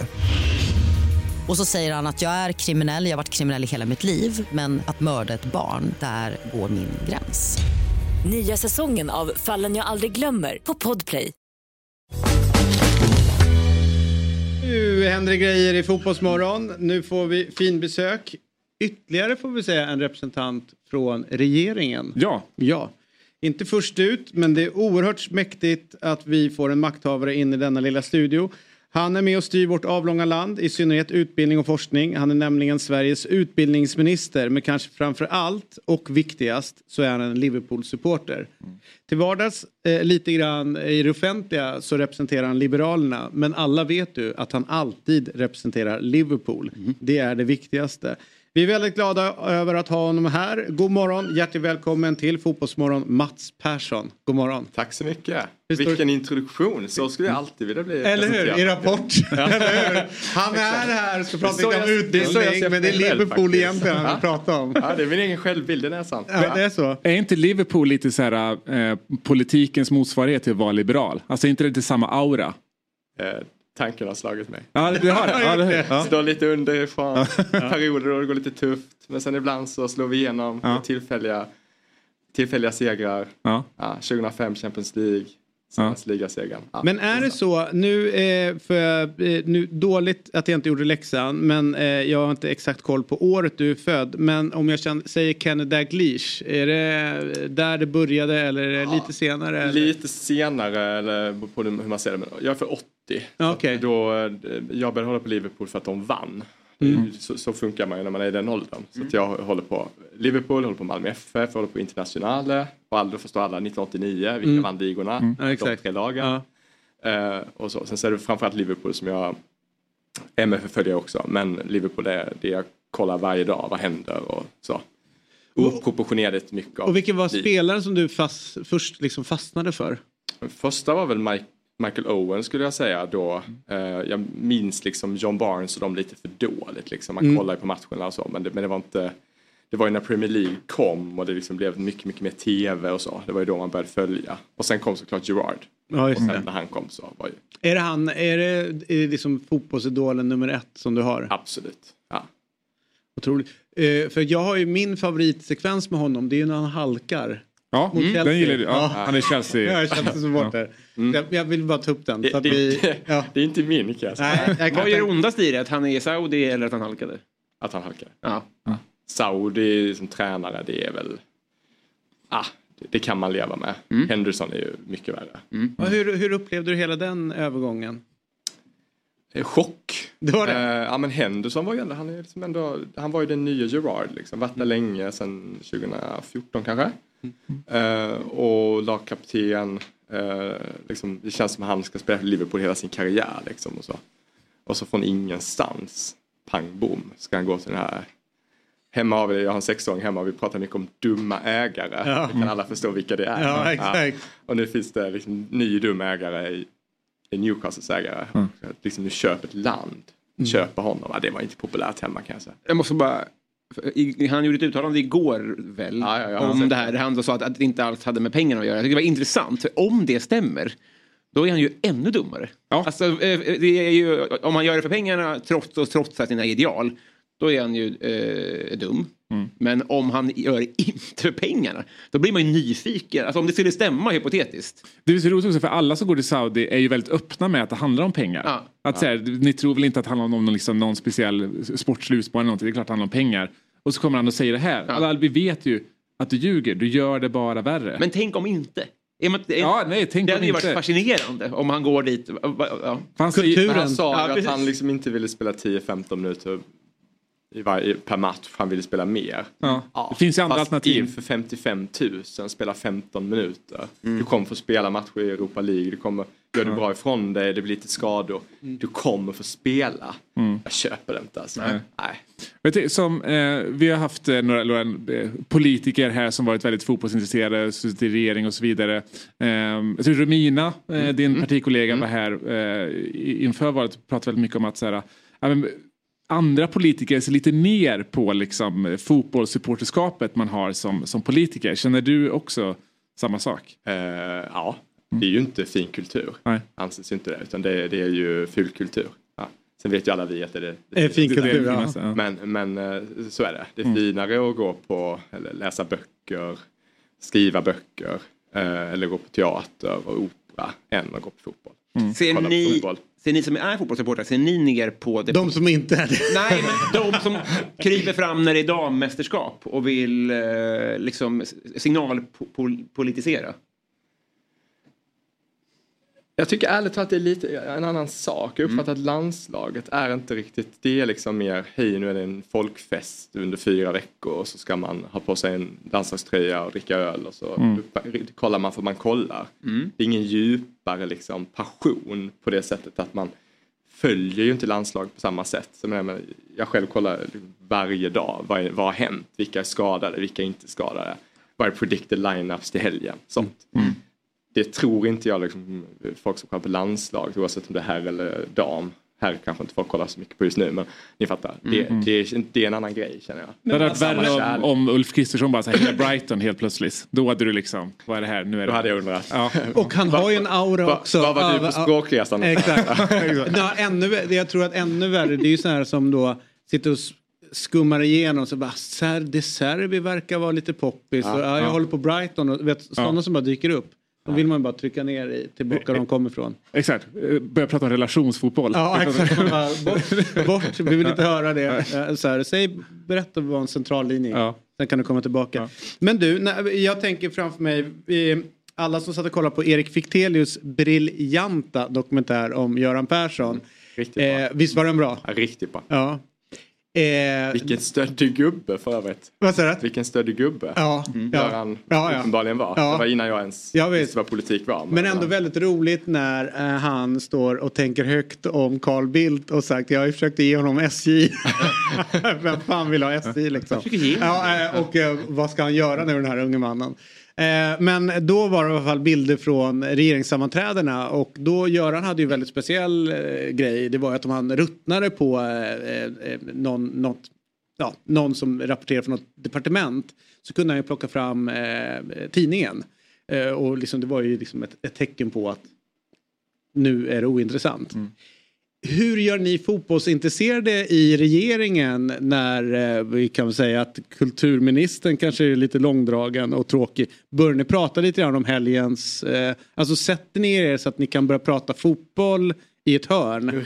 Lite bra. längre ifrån eh, statsministern så att ni får... Okej, nu håller de på med tråkiga grejer. Nu kan vi prata om Liverpool mot United. Eller finns det något sånt att ni... Du fattar vad jag menar? Jag fattar vad du menar. Ja. Jag tar den direkt. Ja. Nästa vecka. Du gör det? Ja. Ja, för... Än så länge har vi inte gjort det men det är ju... eh, Vilka i regeringen då tänker du att du vill ha runt omkring dig? I Ja, men Romina är ju eh, på Mokhtar, hon är ju en fotbollsfantast. Ja. Eh, nu håller hon på fel lag men det får vi överseende med. Hon håller på AIK? Exakt. Ja, det är ju i och för sig positivt. Ja, jag förstår att vissa tycker. Ja. Eh, vi pratar inte om säsongen. Nej, som, som nej, nu, vi ska inte jag. prata, nej. nej exakt. Nej. Men, men hon är ju, hon är ju given Mm. eh, såklart i en, i en sånt ja, snack liksom. Ja. Sen är ju, är ju min, eh, min chef, min partiledare Johan Persson, han är ju från Örebro och det behöver vi inte heller prata om hur det, hur det har Nej. gått Nej, sista nej. åren och så. Men han går ju på ÖSK-matcher. Gör han det? Ja, oh ja absolut. För han, han har ju väldigt lite fotbollsaura över sig. Eh, ja, Alltså, fast kanske- fotbollspappa-aura kanske ändå. Ah, Alltså har, jag- har Johan Persson någon kop, alltså aura till fotbollstjänster? Han har sneakers, Kanske- han kanske är sitter- solbränd. Ja, okej. Ja. Ja, du fattar. Ja. Men, ja. Det är den snävaste fotbollskopplingen jag har i hela Ja, men, mitt liv. I relation till en del andra Det är politiker. alltså. en del, I relation till en del andra politiker som kanske är lite eh, mer Sveriges lägsta ribba. Ja, Vita skosnören. Ja, ja, ja. Men då är det ju vilket lag, då, då är det typ han, han skulle hålla på Örgryte, skulle ju passa bra för honom. Eller hur? Alltså tröjan slängd Ja. över, Ja. där, Ja. sina loafers. Och sen så prata om segling istället för själva matchen. Men vi pratade här om att det finns ett glapp mellan, eller det har funnits såklart eh, i, i politikerförakt och sånt där, ett glapp mellan, vad, mellan folket och politikerna. Så att säga. Mm. Eh, kan man inte då tänka, vi pratar ju om att fotboll är, det, eh, att det, stå, att det är en kultur så god som någon. Kan man inte bara av rent populistiska skäl vara fotbollsintresserad utåt mer för att man visar att man är en del av folket? Skulle inte det funka liksom? Skulle det inte vara bra för Ulf Kristersson om han ändå var så här hängiven fotbollssupport? Eller nästa statsminister säger tidigt så här, men jag gillar fotboll. Ja, eller- Och behöver kanske inte ta någon lag utan bara intresserad. Ja, det tror jag. Men du måste blir- ju du, du måste vara äkta. För du måste ju kunna svara på fyra följdfrågor. Ja, jo. Vilka mötte de förra omgången? Ja. Vem var målvakt? Vem spelade för fem år sedan? Alltså du måste kunna svara på dem. Ja, du kan ju inte köra De Serbi. Nej, nej, eh, för sig, man vet aldrig, liksom. man vet Nej. aldrig. Även om Jag han, ju, även om han eh, nu. väl är Liverpools nästa tränare. Du tror det? När Klopp slutar om 15 år eller så. Ja. Nej men eh, nej, det tror jag. Det, eller inte tror jag, hoppas. Jag tänker utveckla unga spelare, inte ha för mycket pengar, inte ha eh, dåliga, jag fula fattar. pengar. Inte Gerard Eh, alltså. Dåliga ägare. Eh, nej jag tror inte han faktiskt att han eh, taktiskt är tillräckligt eh, bra. Alltså Nej. om man tittar de bästa tränarna i, i världen idag, jag menar de bästa lagen i Premier League som jag följer mest då. Det, det hänger dels bästa spelarna men det är också, det är också tränarna. Jag menar Mm. Newcastle förra säsongen, rätt mycket var Eddie Howe. Fantastisk tränare, måste Mm. jag då dessvärre erkänna.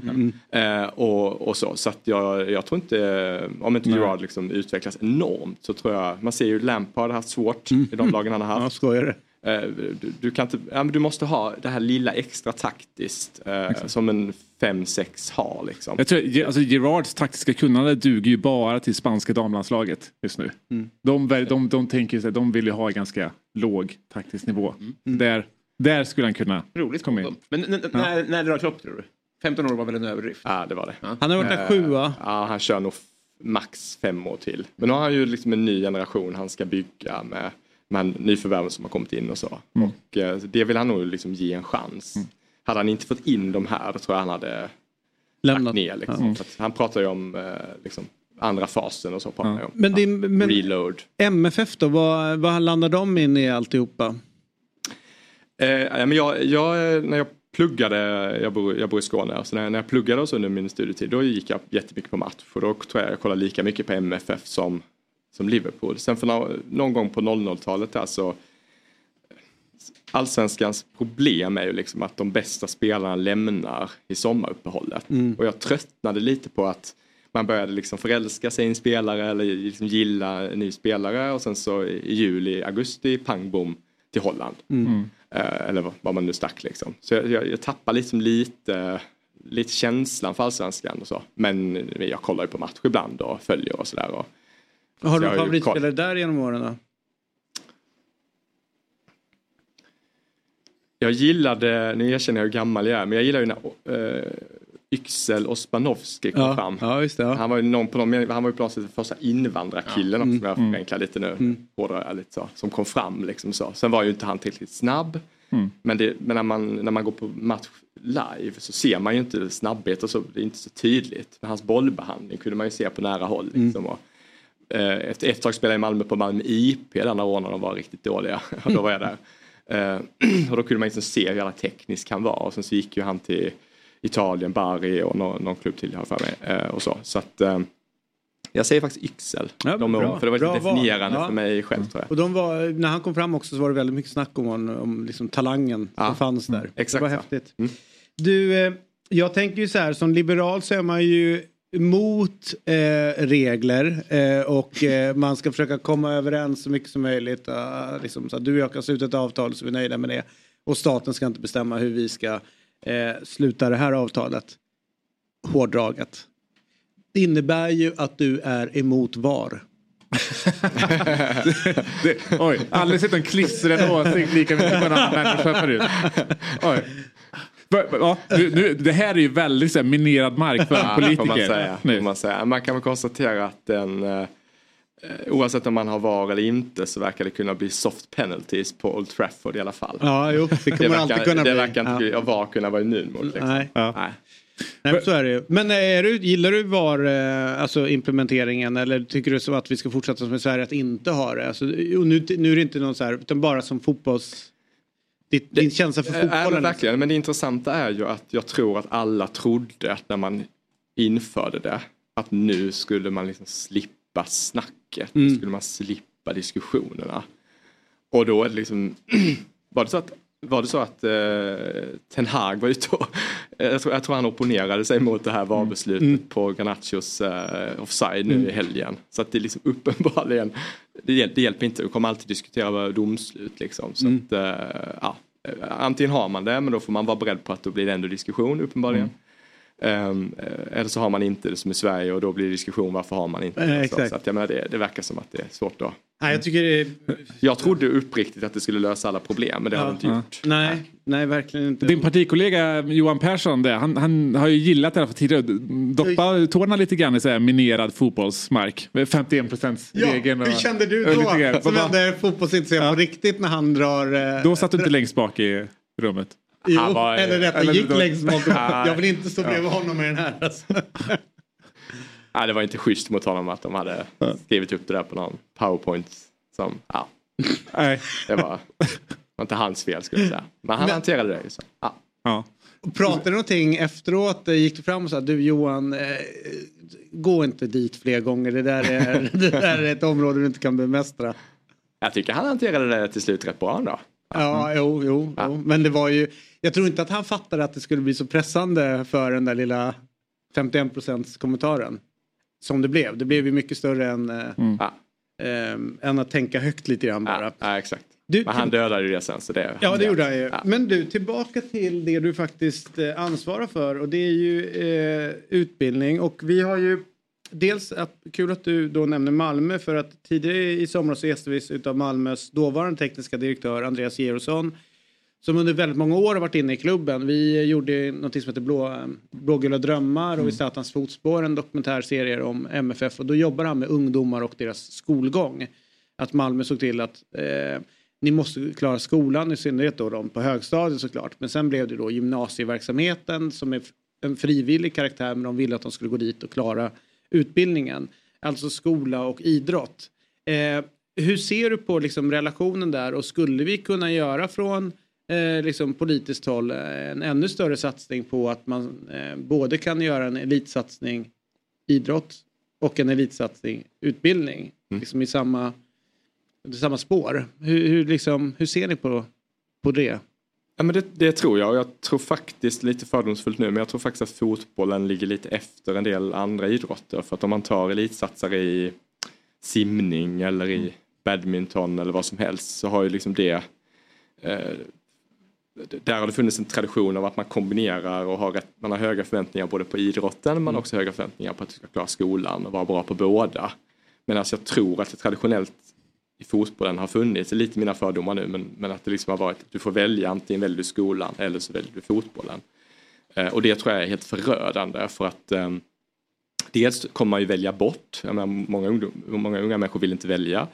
Men det är ju också det att du kan ju inte bara gambla hela ditt liv på att du ska bli fotbollsproffs någon Nej. gång. Eh, och dessutom en väldigt kort karriär som kan, kan spolieras av olika skäl och så. Så, att, eh, så jag tycker att det Malmö gör och även en del andra klubbar är jätteviktigt. Eh, och sen så ser vi ju nu att det blir tidigare specialisering i fotbollen precis som alla andra idrotter.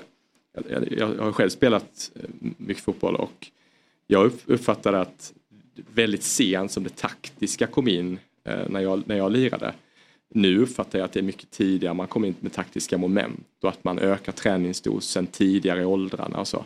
Vilket jag tror är naturligt. Jag tror inte det går att stoppa. Det här får stanna och alla andra länder gör samma sak. Mm. Liksom. Men då måste det också gå att kombinera med att du också eh, satsar på skolan eller att Ja. du i alla fall ställer dem Och mot varandra. skolan då, utbildning, så är det ju att det, det är ju eh, ja, forskning som, eh, som stödjer också att eh, med att, att man rör på sig mer, att det stillasittande samhälle vi pratade med Fredrik här, att eh, eh, fetman ökar eh, och sen så är det resultaten i skolan blir bättre om, man, om barnen eller eleverna rör på sig. Öka antalet timmar med idrott till exempel. Är det någonting som ni, som ni fingrar på för att liksom också se folkhälsan, att barn rör på sig mera? Eh, Ja, nu, nu, bygg, nu har vi ju, sista åren har man byggt ut så det är mer idrott i skolan idag än det var tidigare och jag ser på min son som är, har precis börjat ettan, han har liksom idrott två gånger i veckan Mm. och så. Det hade inte jag när jag motsvarande ålder. Jag skulle säga att problemet idag är, det är rätt många problem, men, men det, det här är ett jätteproblem. Eh, barn rör sig för lite, vi har problem med stillasittande, vi har problem med att barn blir för tjocka. Eh, och det påverkar också studieresultaten. Men det, jag skulle säga att det är inte liksom mängden timmar i skolan inte problemet utan det är att det är för mycket stillasittande med iPads. Det är för mycket, för lite liksom push eller aktiviteter så att man rör på sig efter skolan. Jag tror att vi föräldrar har ett stort ansvar. Detta, detta curlandet, detta eviga skjutsandet till och från skolan. Ehm, så det är liksom rätt det är många strukturer som dessvärre går i fel riktning. Nu lägger vi om politiken och jag skulle säga att det viktigaste vi gör i skolan just nu det är två saker, är, eller tre saker. Det är ordning och reda i skolan, fokus på böcker istället för iPads och att barn ska röra på sig mer. Mm. Att det hänger ihop. Och, och det är bara att ta del av den senaste hjärnforskningen som är väldigt liksom, på modet just nu. att Rörelse, alla, alla har läst Anders Hansens böcker tror jag, liksom, rörelse är viktigt för hjärnans utveckling. Och också att barn får testa på många olika idrotter. Att du inte specialiserar dig för tidigt.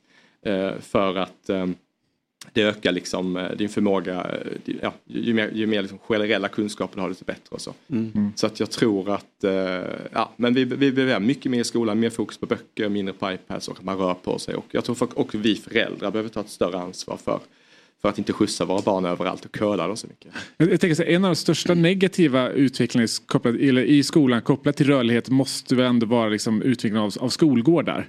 Att de blir, de blir mindre och mindre. Eh, och liksom det, det är en stor del, men jag tänker bara på mig själv, 90% av all fotboll jag spelat har väl varit på en skolgård. Eh, liksom. eh, och att det är liksom den spontanidrotten som blir väldigt mycket lidande när våra skolgårdar blir, blir mindre och mindre. Här i Stockholm är den ganska långt under liksom, rekommendation från vad ska vara. Sen ser det såklart annorlunda ut i liksom mer rurala eh, områden. Så. Men är det också någonting som ni kikar på? För den, går, den utvecklingen går ju väldigt mycket åt fel håll. Det är ju en sån fråga, jag vet att många kommuner diskuterar det. Det finns ju parkeringsnorm, hur många parkeringsplatser ska man ha när man bygger nya områden och så. Eh, Och, och, och då kan man ju tänka hur mycket, hur mycket utegym finns det, hur mycket idrottsplatser finns det och så. Så notera att en del nybyggda områden är ganska bra. Jag tänker här i Stockholm, tänker jag på det här Norra Djurgårdsstaden, tycker Mm. jag är ett ganska bra exempel. Det är, det är väldigt inbjudande till fysisk aktivitet. Eh, och jag tror att sånt spelar roll för då får du det här spontana att man som, som ung människa går mellan gårdarna och spelar på, eh, på kvällar och så. Mm. För det är också det, jag, jag tror vi behöver komma ifrån att allting måste inte vara inom ramen för en klubb eller utan, men det bygger återigen, det bygger på att vi föräldrar eh, också liksom Ja men att man, man är tydlig med sina barn, liksom, att det finns en förväntan att, eh, eller man försöker hj- hjälpa barnen att hitta den här leken så att man inte landar ner i att man två, tre timmar på eftermiddagen sitter helt stilla i en soffa med en iPad tittandes ner i ett, i ett spel. Det, det, är- Men just, det med, men just det här med anläggningar tänker jag. Det är, eh, ehm, det är ju ett jättestort problem och det är inte bara fotbollen utan det är egentligen generellt sett alla sporter. Finns det någonting, för nu, vi har pratat med RF, vi har pratat med det är SOK, det är liksom fotbollförbund och, och olika politiker som varit här från, eh, Jakob Forssmed som var här och, pr- och pratade bland annat. Eh, finns det liksom, när ni, ni, ni måste ju se samma sak som vi ser och du ser som har barn som växer upp nu eh, och den här anläggningsbristen som är. Finns det någon ansats att liksom från ja, men, statligt håll att börja liksom lägga sig i det här? För att uppenbart klarar inte kommunen av att, att lösa det här. Det är ju i storstadsområdena så finns det inte eh, anläggningar. Har ni tankar på att liksom gå från statens håll och gå in och peka på det, kanske ge bidrag för att liksom satsningarna eller anläggningar? För just nu så är det ju för många barn som inte kommer till att kunna idrotta. Ja, och det är ju ett jätteproblem, med, inte minst här i Stockholm är det ju ett jätteproblem och just att det är så få, eh, jag vet inte hur många lag det är per plan, liksom, Mm. men det är liksom inte rimligt. Eh, Och jag tror den här diskussionen som är, den här debatten som är om detta, där Riksidrottsförbundet är också involverat, tror jag är jätteviktig. Eh, Sen om det liksom är lagstiftning, det kan man alltid diskutera för det ser väldigt olika, ser väldigt olika Nej, men jag ut. om det finns jag lagstiftning att- med nej, jag parkeringsplatser men inte med... Nej, men, ja. eh, Precis, jag, och Ja. jag, tror att, jag tror att ko- kommunala politiker i framförallt våra större städer behöver verkligen ta det här på ett mycket, mycket, mycket, mycket större ansvar. Också hur man bygger staden, liksom, i vilken utsträckning bygger du in de här naturliga fysiska miljöerna eh, där liksom fotbollsplanen, basketplanen, utegymmet är en naturlig del av stadslivet. Och det är ju inte bara bra för barnen, det är liksom bra för hela, för, för oss alla. Mm. Så att, jag menar, det skapar också en skön känsla i, i stadsrummet kan jag tycka också, att det liksom är liv och rörelse. Det är väldigt urban känsla. Liksom, så. Men kan man inte få liksom, göra saker från nationellt håll också? För jag tänker mycket av det kommer väl utifrån förutsättningar från Boverket kring hur det ska liksom byggas och liknande. Kan, kan ni från nationell håll liksom, pressa på där för att det ska bli enklare att göra de här eh, Ja, det kan man säkert. Sen är inte jag säker, jag är inte säker på att om man vill ha hockey här och nu och snabba resultat som Mm. jag själv är rätt otålig av med. Då är inte jag säker på att lagstiftning liksom är alltid rätta vägen att gå för det tar fruktansvärt lång tid och det ska malas i de ju- juridiska Finns med en sån satsning i Tidöavtalet? att, eh, ja, nej, men den är ju, den är ju viktig. Och det, men det handlar, och, så det finns ju Mm. och det finns planer på, liksom, tankar på vad man ska göra. och Så. Mm. Eh, Men, men som sagt, jag tror att om man vill ha resultat här och nu så Mm. liksom, tryck på de kommunala politikerna är det som snabbast resultat. Vad är det för, tänker du som ändå är sportintresserad, eh, det är dumt att prata med någon i regeringen som inte är det, men en, en, en särskild satsning på de högsta ligorna i Mm. idrott. Vad, vad innebär det konkret? För nu har det ju suttit ett år snart där va? Eh, Ja, det är väl, ja precis. Det var förra året var val. Ja. Att ett år, när får vi se satsningarna eller intentionerna eller vad, vad ni tänker kring det? Alltså, och vad är, vad hade du velat se? Nej men jag tycker man kan titta på, jag, jag tycker, jag har alltid, och det är nog för att jag är lite idrotts, eller idrottsintresserad och gillar att tävla. Jag tycker det är väldigt konstigt att Danmark, jag bor själv i Skåne, där jag kan åka över Öresundsbron och då kan jag kan jag se hur den danska ligan är mycket, mycket mer konkurrenskraftig än den svenska ligan är. Och det är också bara att titta på hur det går för de danska lagen i Europa kontra hur det går för de svenska lagen i Europa. Det är klasskillnad. Eh, och då är det till och med så att en del av de bättre svenska spelarna eh, går till Danmark men det är väldigt sällan man ser the other way around. Det är något enstaka undantag. Eh, och då är det typ att MFF använder holländska pengar för att betala någon dansk. Mm. Mm. Senaste nyförvärvet är ett sånt exempel. Det är väldigt ovanligt. Och då är ju det, då handlar ju det om eh, liksom skatteregler, det handlar liksom om hur mycket pengar det finns i sektorn. Så, så, och där kan ju politiken såklart göra saker för att underlätta detta, alltså artistskatt och sånt. Det, det, så, så jag, jag, ehm, eh, jag, jag tycker liksom att det är, det är för fattigt att den svenska ligan är, är så dålig som den är i relation till till exempel hur den danska är. Och att bara sitta och låta Danmark glida förbi oss. Jag är lite, jag är lite för mycket tävlingsmänniska för att där, det. backar jag dig faktiskt måste jag ändå säga. Och i synnerhet eh, Norge får ju absolut inte gå förbi oss i något. Nej. Det är mitt, Nej, jag vill inte eh, erkänna att de... eh, så jag, jag tror Danmark. Ja, Ja, bra, en bra, bra. dem. Men de slår väl oss ganska mycket på fingrarna där också. Vi ligger väl liksom i, jag tänker med, med idrottstimmar och så. Vi ligger väl ganska bra bit efter Norge och Danmark. Vi är väl liksom i Europa botten. Ja, Norge är ju det väldigt speciellt. De har ju sån väldigt det här gå på tur traditionen och sådär. Så det är liksom svårt Ja. att slå dem tror jag. Men, men alltså, jag skulle inte säga att problemet är liksom att det är för lite schemalagd idrott Mm. i skolan. Man kan diskutera om det ska vara någon timme mer och så. Men det är inte det, är inte det utan det är liksom allting runt omkring. Mm. Eh, spontan, det spontana föräldraansvaret eh, och, och så. Det är liksom där det brister. Innan vi släpper dig, favoritsponsor då på tröjorna. Det där är en viktig grej för mig. Eh, för att man har ju också vissa sponsorer som Ja, men det var, dåligt. ja, men Carlsberg. Det är Carlsberg. Ja. den satt till Jag tyckte också, det kanske var lite innan din tid, men det var ju Candy som de hade där Ja. i slutet på 80-talet. Just det. var ju också bra. Men Carlsberg Carlsberg, har ju till och med alkoholfria har jag fått lära mig. Vad sa du? Carlsberg har ju till och med alkoholfria öl har jag fått lära mig Ja, de på, har det. på reklamen. Jaha, ja, exakt. Ja, exakt. Jag har läst att det Ja, exakt. Ja. Någon har sagt det. Men vad härligt, vad, vad kul att du ville komma förbi den här morgonen. Jättekul. Eh, Verkligen. så får vi hoppas att det blir väl en, kanske en Europa League-plats för er i år då. Kanske. Ska jag säga? Ja, det ja. Nej men det ser väl jättebra ut. Alltså det mittfältet är ju, det är ju ett helt nytt mittfält som är mycket mer tekniskt. Jag tycker man har sett Ja. de här matcherna att eh, Liverpool eh, kan spela sig ur pressen på ett helt annat sätt. Och eh, Men ni har kvar van Dijk som inte kan försvara, ni står fortfarande högt med den där backlinjen. Ja, jag vet inte. Nej men jag, jag håller med om att um, fyra första matcherna eh, signalerar ju inte att vi skulle vinna ligan. Erfarenheten är att du vinner inte ligan genom att göra flest mål utan genom att släppa in Exakt. flest mål. Att vinna ligan tror jag blir tufft men en topp fyra absolut och det är ju ett av de absolut roligaste lagen att se. Och än så länge tycker jag också att Premier Leagues bästa nyförvärv är ju ungraren. Så- heter ja. han så? Ja. Eh, en, en av dem. Ja. En Sista ja nej fråga. Stannar Salah? Ja. Ja, då har vi fått det. Eh, bara en snabb tanke. Med tanke på att vi är ett av världens rikaste länder. Borde vi inte kunna bälla ett fotbollslag? Det verkar vara en bra investering. Norge äger ju i Juventus. De delägare via sin oljefonden Ja. eller? Ja, men om Vilket man vi borde göra. upp något eh, Brighton och Ja. Pumpar in. Ja, Frågan är vem av oss tre som då ska vara sport, Sport- sport, sportchef. sport, Ja. sportchef, sport director. Eh, får ut- bestämma vilka Ja, spelare vi vill ska inte köpa. göra eh, Johan Persson i alla fall. Eh, det var, det är inte. Vad har vi? Är det in- Industrifonden som är varenda liksom, möjlighet för att investera i den typen av... Ja, men, eh, jag tror att eh, jag tror inte det, jag tror kreativiteten att göra det är nog inte problemet. Jag tror det är nog mer vem fasen ska bestämma vilka vi ska köpa. Det, det är som är problemet. Då får ni, Ja, men vi får har- ni vi sitta har- varje vi har- morgon och Vi har köpa. listor. Ja, ja, ja. Vi har listor. Ja, det är bra. Du, tusen tack och Tack lycka själva. till eh, med, med säsongen och med rattandet utav eh, med det där eh, Regeringen. ja, det- departementet helt enkelt. Jag gör mitt bästa. Ja, där, där behövs det ju. Ja.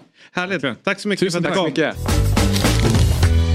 Då är vi tillbaka i Fotbollsmorgon. Mats Persson har lämnat oss och det har även Robin Berglund gjort. Ja.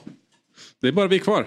Det är bara vi kvar, men inte så illa pinkat det vi har kvar. Därför att vi har ju två stycken oerhört Det är nu vi Tunga. verkligen, nu växer vi upp gäster. en nivå till. Vi ska växla upp något fruktansvärt. Eh, därför alldeles strax vi prata med Björn Ranelid. Eh, och sen efter det så har vi med oss Chippen Svensson. Eh, så att vår Malmö koppling är ju oerhört tydlig idag utan vi har tänkt på det. Mats Ja. Persson, Ja. Malmö. Ja. Björn Ranelid, Malmö. Malmö. Chippen Svensson, Malmö. Så att det, det är ju härligt. Min favoritstad minus Stockholm i Sverige. Ja, jag är nog beredd att hålla med dig om man inte får ta sin hemstad. Mm. Liksom, så, så, är- så är Malmö eh, där uppe. Och din hemstad? Karlstad. är- Så det är nummer ett. Ja. Där är det. Vi ska ta ett snack med språkgeniet från Skåne. Sveriges enda renodlade poet, Björn Ranelid. Varför då tänker ni? Jo, det ska jag förklara. Så här är det. Eh, under gårdagen rasade Björn nämligen över IFK Göteborgs banderoll som riktar sig mot Malmö stad. Eh, där stod det att de skulle bränna ner hela stan. Ja, precis. Med en liten eh, bild. Ja, Eh, där de målning- även hade målning. målat eh, siluetten utav stan. Precis. Eh, det är Turning Torso och Mm. kanske att bron var med på ett hörn. Det är väl bara Turning Torso egentligen som är liksom som man själv utifrån Malmö ser som en del av stadsbilden. Kanske, men för oss äldre så är det ju också Kockum. Ja. Men då, det är nog verkligen betoning på dem, för de äldre. Ja, Det, när liksom lades den ner? jag vet inte. Nej. Men så här är det, denna vidriga banderoll, bränn ner eh, Malmö stad. Eh, och då svarade eh, Björn Ranelid, denna osmakliga, vedervärdiga och vidriga banderoll hade så kallade supportrar från Göteborg hängt upp under matchen mellan Malmö fotbollsförening och Göteborg söndagen den 3 september i år. Det är oförlåtligt och en sådan handling uppmanar till våld och hat. Bokstavligt talat vill dessa huliganer, rötägg och ligister bränna ner alla byggnader i staden Malmö. Mm. Eh, och eh, det är eh, Björns tolkning såklart och han reagerar och jag tror att vi har med oss Björn Ranelid denna tidiga morgon. Hur står det till Björn? Hjärtligt välkommen till Fotbollsmorgon. Jag tackar. Ja, låt oss börja ett skratt. Margareta fick nästan skrämselhicka för att vi har inte gått upp på sängen. Och eh, hon får alltid frukost på morgonen här i sängen. Vi börjar med skratt därför att jag sa att det kan bli Facetime Margareta. Men i alla fall, låt oss börja i skrattet och i kärleken. Jag ska förklara mig lite nu. Låt mig få säga några ord innan vi kör igång. Därför att en del eh, okunniga om min person tror att jag aldrig spelat fotboll och inte kan något om fotboll. Låt mig säga att jag har sett alla VM sedan 58, det är väl inalles 24, 22 stycken. Och jag följer alla Champions League-matcher. Jag har spelat i fem klubbar, det vill säga Malmö fotbollsförening, Helsingborgs idrottsförening, Trelleborgs fotbollsförening, Håkanstorps bollklubb och Höganäs bollklubb. Så jag följer ju matcher intensivt och jag är passionerad. Jag har dessutom hävdat och hävdar i prisens form att fotbollen är världens främsta och mest kära leksak om vi tar basketboll, golfboll, bandyboll, Eh, handboll och fotboll. Så att jag vill bara göra detta klart för er att jag själv är en oerhört passionerad eh, fotbollsälskare. Men däremot så har jag aldrig förstått det där med att man måste koppla hat och destruktiva handlingar. Jag har ju skrivit om detta tidigare. Jag överväger att aldrig mer skriva om, om våld på fotbollsläktare därför att vi talar olika språk och vi har dessutom olika verklighetsuppfattningar. Jag älskar Göteborg. Jag ska göra, snart göra min, bevista min 34 bokmässa.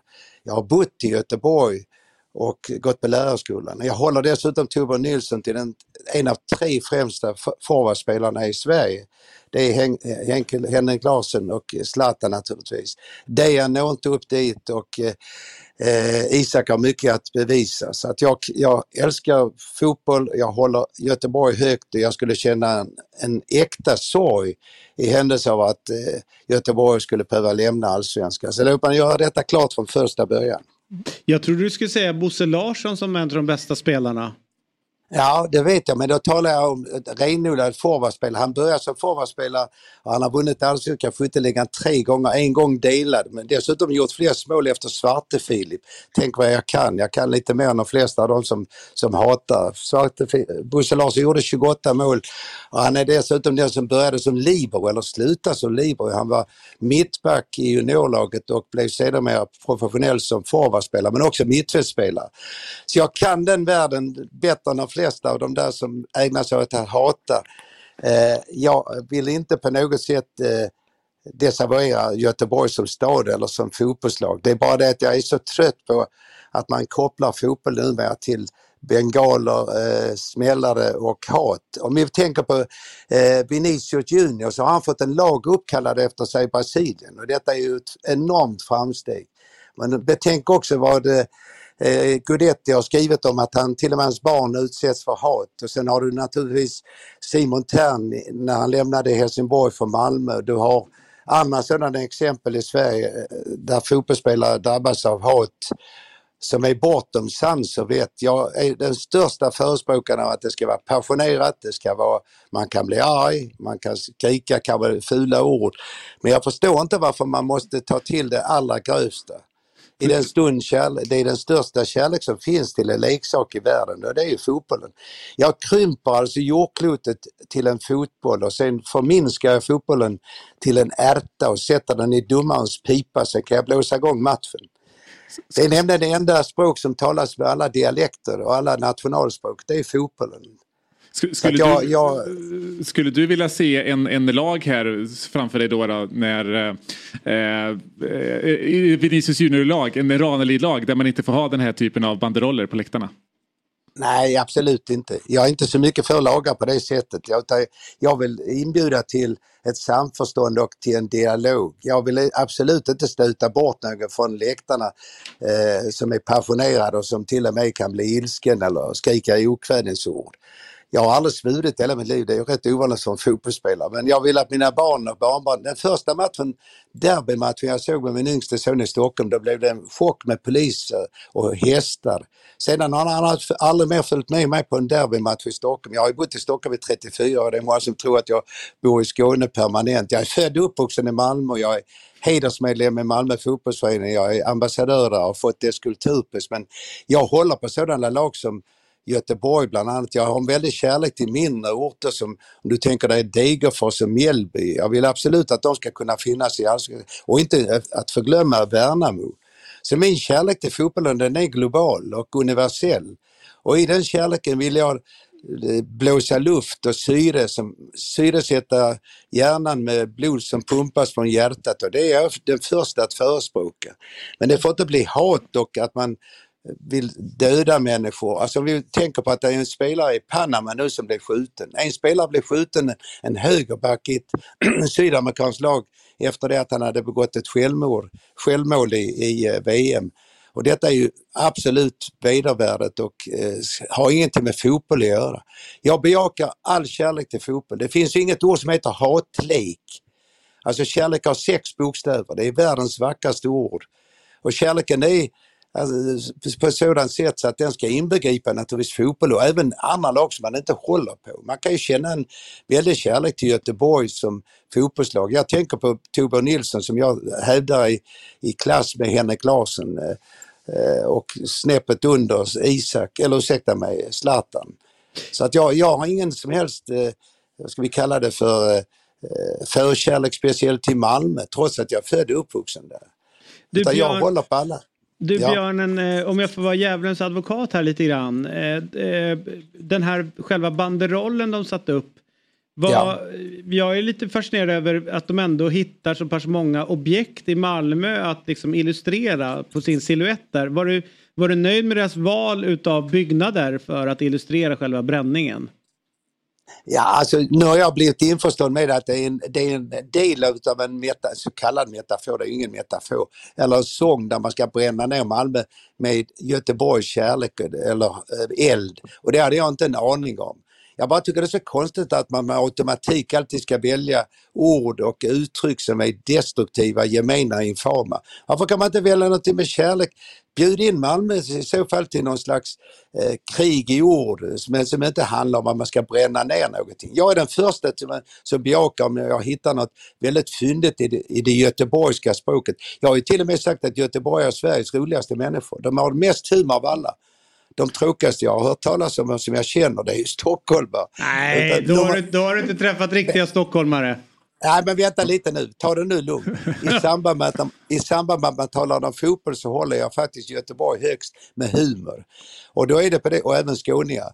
Det är på det sättet förstår ni att man, man kan väl blanda in lite lek med orden och att man kan man ha glimten i ögat och säga något roligt om Malmö. Måste man ta till att bränna ner staden. Nu är jag införstådd med att det är en del utav en sång eller en kampsång. Men det visste ju inte jag om och jag, det, det kan jag väl erkänna. Men å andra sidan så vill jag ändå hävda att det är lite synd att det alltid blir till det destruktiva och det gemena och det hatiska. Vilken, vilken är den mest karaktäristiska Malmöbyggnaden skulle du säga? Som liksom verkligen sticker ut? Ja, jag har ju faktiskt skrivit en bok om, om Tony Tors. Jag har dessutom skrivit en bok som heter Fotbollens höga visa så jag vet ju vad jag talar om.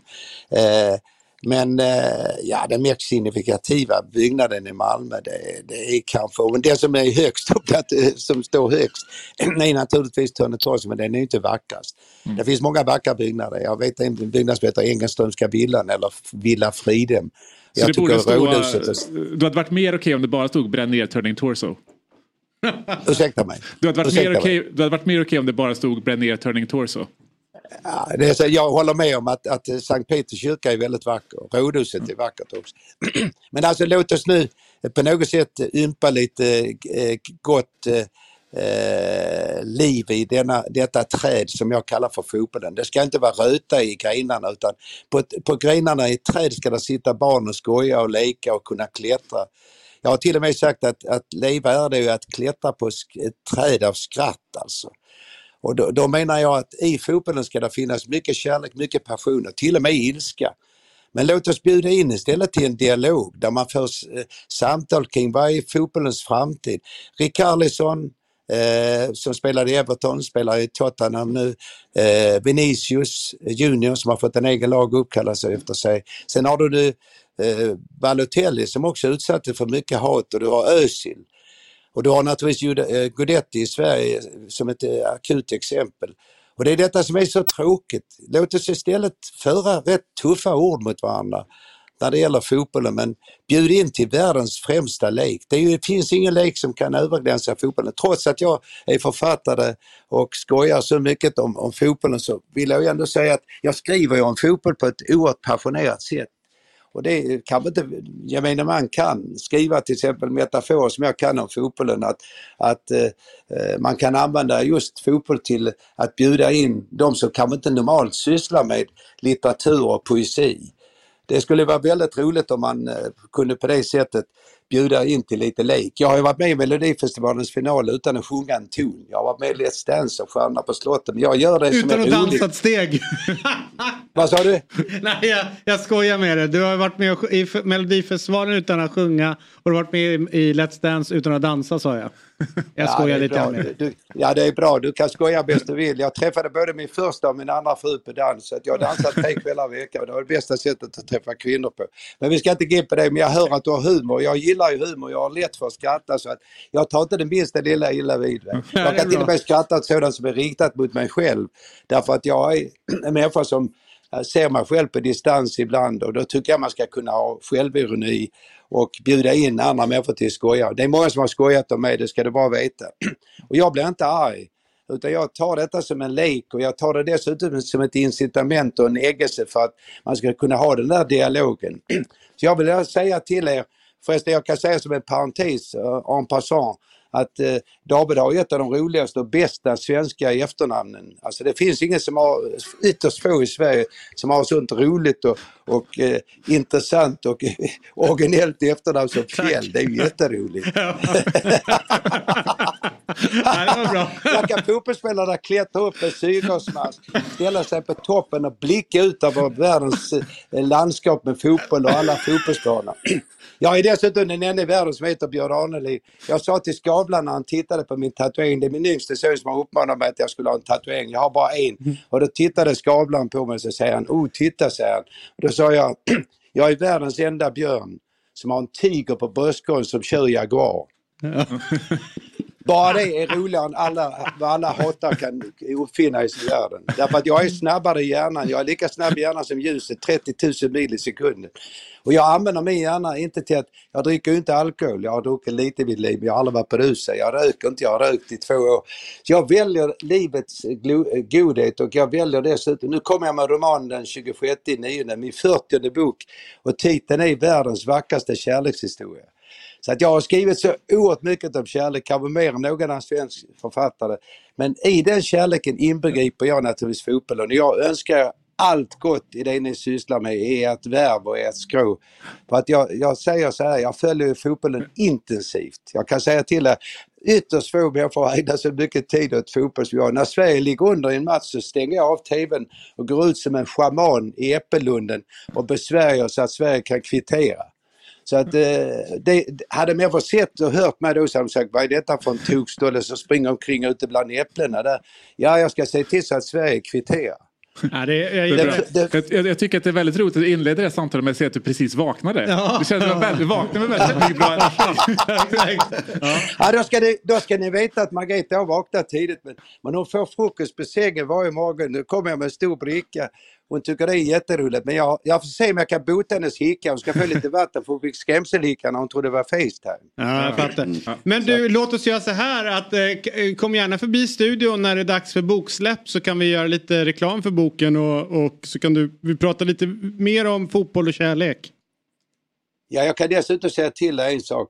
När det gäller sådana handlingar nu som du sa här nu så eh, underlåter jag eller håller mig undan eh, på det sättet att jag är inte intresserad av att göra reklam för mig själv på det sättet. Jag brukar säga att jag är en partikel i förhållande till svenska språket. Jag har fått svenska språkets hederspris, förutom Augustpriset är det 50 priser jag fått. Men jag ser mig som en liten partikel. Jag kallar mig själv för en kronisk och obotlig lärjunge i ord och, och tal. Så att jag, jag försöker hela tiden vara lärjunge och lära mig något nytt. Nu fick jag lära mig något nytt att det var en del av en ramsa, nämligen bränn ner Malmö eh, med vår eld från Göteborg eller vad det nu är för någonting. Så jag är inte arg utan jag ser detta som en slags eh, upp, eh, vad ska vi kalla det för, ett, universitet. Nu lärde jag mig någonting Eh, och jag går ur denna, ska vi kalla det för dialogen eller debatten, med en eld som ingen kan släcka i förhållande till fotboll. Så ni, du kan kalla in alla världens brandkårer, ni kan inte släcka min kärlek och eld för fotbollen. De kan stå där och spruta med skum och mycket de vill, de kommer inte kunna släcka den. Ja, jag förstår. Och vi vill inte släcka den här. Vi älskar eh, ditt brinn och din, ditt, eh, din passion för fotbollen Björn. Och vi älskar att ha med dig också. Så att, eh, ett, en, ett annat upplägg då. Att du får komma till studion och, eh, och, eh, och prata mer fotboll och kärlek. Och sen så behöver vi inte göra någon reklam för boken. Nej, jag, kan, jag kan säga att ni kan få höra första raden i romanen, det är ju ja. rätt roligt. Jag tar, det så, jag tar Ta första raden för jag kan det utan till för jag har aldrig haft ett manuskript i hela mitt liv framför. Ser du mig med ett manuskript i TV så får du 100 000 skattefritt. Men i alla fall, det är bara amatörer som har manuskript.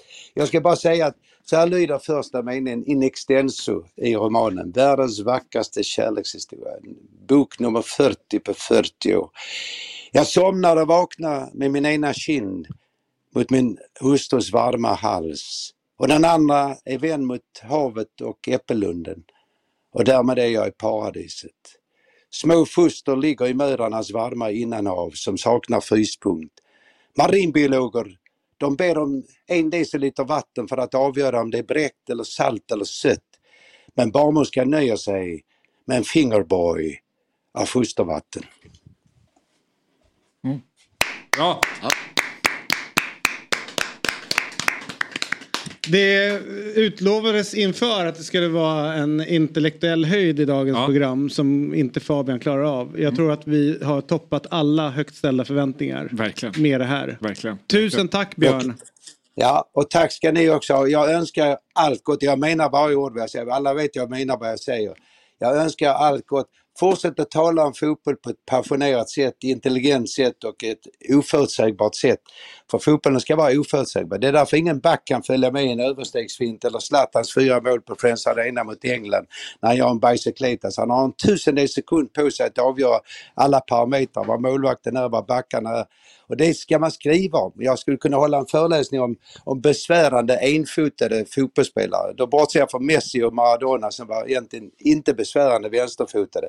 Men Dejan Kulusevski är besvärande enfotad. Ja, det håller jag med och det är om. även, det, det, är även eh, Anthony i Manchester United. Ja, Anthony och Anthony och Dejan förstår jag inte, professionella spelare som inte kan lära sig skjuta med höger fot. Jag fattar inte det. Jag sköt med båda fötterna och var tvåfotad.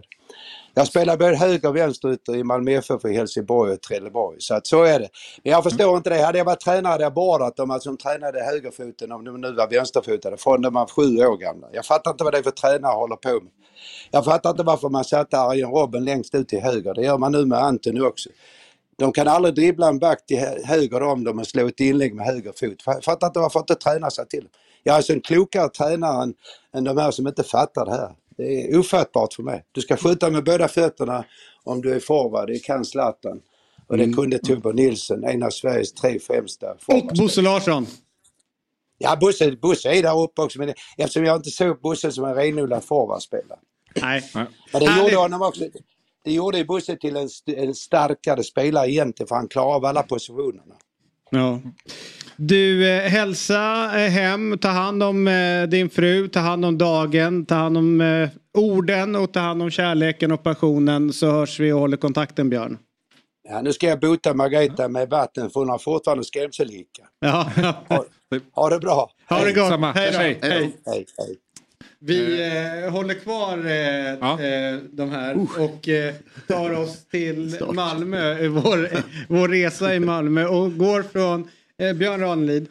En eh, intressant, eh, passionerad eh, människa. Med ett bra morgonhumör. Med bra morgonhumör. Till ytterlig, ytterligare en Ja. väldigt passionerad och varm människa. Med ett intensivt och fint morgonhumör. Ja. Också i Malmö. Och också håller på eh, MFF. Chippen Svensson, god morgon. Hur känns det att eh, komma efter Björn Ranelid? För att nu är ju förväntningarna höga på dig på leverans. Nej, det skulle jag inte säga. Jag lyssnade här nu, tack och lov. Eh, Jag vill bara... Ni sa att ni skulle ha tillbaka honom. Han kan vara psykiskt instabil. att det kommer hamna på ert ansvar sen ifall det kommer fram. Bara menar jag. Han är jättebra content, men gud, jag tycker han är något av en skrytpelle. Eh, något förvirrad. Ehm, och mycket, mycket, mycket underlig man. Så att jag har inte mycket att leva upp till menar jag. Jag behöver bara vara något normal. Ja. ja, du har aldrig framstått så sansad som nu. Men, eh, men vad härligt att ha med dig. Eh, vi ringde ju upp eh, Björn med anledning av en banderoll eh, från, från folk från Göteborg. Som uppmanade folk, eh, som uppmanade, eller eh, banderollen uppmanade att man skulle bränna ner hela Malmö stad. Ja. Hur reagerar du på det? Att eh, gatorna där du vandrar, husen som du tittar på, bron som du åker över och det, det snurrande höga huset, eh, liksom den, den, den, den, Ja. twistade torson. Allt ska brännas ner. Men eh, det Björn Ranelid inte uppmärksammade var väl att detta var väl ett imperativ riktat mot, eh, gissar jag, Malmö FFs klack. Och imperativ alltså en uppmaning. Så att det var inte jag vill bränna ner Malmö stad utan det var någon form av, så att det enda vi behöver göra är att inte ta uppmaningen. Ah, Okej. Ja, det, det var mer så att ni, ni borde bränna ner Malmö stad. Ja men precis, Ja. det är så det står ju. Ja. Eh, bränn ner staden och så säger vi nej, vi Nej, nej tack. Vi gör inte det. Vi vill fortsätta gå runt här eh, med en hel stad och Exakt. våra... våra Tack för inspelet men eh, Exakt. tror vi... Hoppar det den här Ja. gången. Ja. Testa nästa gång. Men, jag har pratat om det många gånger att eh, om någon som aldrig varit på en fotbollsmatch kommer in eh, på en stadion så kan, man, kan jag förstå att det blir rätt eh, chockartat med saker som sägs och, och, sådär. Men Björn har väl för fan varit på fotboll Ja, Ja, det, lät så, mycket. det lät så. Ja. Hela tiden. Är han dum i huvudet? Han måste ju vara dum i huvudet. Men vad... Va, det finns ju ingen normal människa som tror att, som inte har hört eller sett något liknande innan som har varit på fotboll. men du, vad, vad är det värsta som skulle kunna sägas eller dyka upp på en arena i form av banderoll där du skulle bli liksom nej, nej, nu det där var för mycket. Nu tar, Ja, jag till, nu tar jag till Instagram eller Twitter eller någonting annat och skriver av dig. Ja, just det. Det kanske, kanske har jag också en gräns då. Men, eh, men jag brukar inte titta så mycket på de där lakanen de hänger upp och skriver små busigheter till varandra. Min fru eh, är med i en supporterförening och det enda de gör när de kollar match är att läsa på vad motståndarlaget har skrivit på sina lakan. Men jag brukar kolla på matchen mer. Mm. Jag förstår. Så att det är inte så himla... Eh, det rör mig inte så mycket. Nej, Eh, men jag- däremot så har jag tänkt på att något av det värsta som skulle kunna hända är ju för att eh, för det ropas sådär hata Malmö och, och sådär. Då blir jag ju lite varm i hjärtat att de faktiskt bryr sig. Det värsta hade ju varit om de en dag skulle sluta hata Malmö till exempel. Det hade varit värre. Mm. Ganska provocerande också. Ja, för det är ingen som hatar Häcken, ingen som hatar Elfsborg och det, jag tycker lite synd om dem för det. För Mm. att, det är ju trots allt en fjäder i hatten. Det var väl Oscar Wilde som sa en gång i tiden There is only one worth thing being talked about and it's not being talked about. Ja, Apropå det. Häcken och Eh, Elfsborg där. Ja. Ja, just det. Nej, men jag som person vill ju inte vara hatad såklart, men, ehm, men att Göteborg bryr sig så mycket så de, så de gör, en, gör en banderoll, en ganska avancerad banderoll, det, det, var ju, det, det värmer ju. Mm. Jag förstår att du känner så. Eh, Apropå banderollen, ni såg väl vad som hände i US Open? Det var ingen banderoll men det var ju en, eh, en snubbe som ställde sig upp och gjorde någon eh, form av Hitler-referens. När Zverev spelade match eh, och eh, då kastade faktiskt eh, då blev han utkastad. Det var en, eh, alltså spelaren som reagerar på det som sades på läktaren, sa till domaren, som sa till vakterna som blev utkastad. Det skulle vara intressant om någon spelare, fotbollsspelare tänker jag, om det dyker upp en banderoll på, på läktaren. Så blir han så här, nej, nej, nej, nej, nej, nu tar vi timeout. Den där banderollen, jag spelar inte om den är, för där, där gick de över gränsen. Ja, bränn inte ner. Bränn inte Vi- vi- ner vi- Malmö. vi säger- vi säger nej. Ja.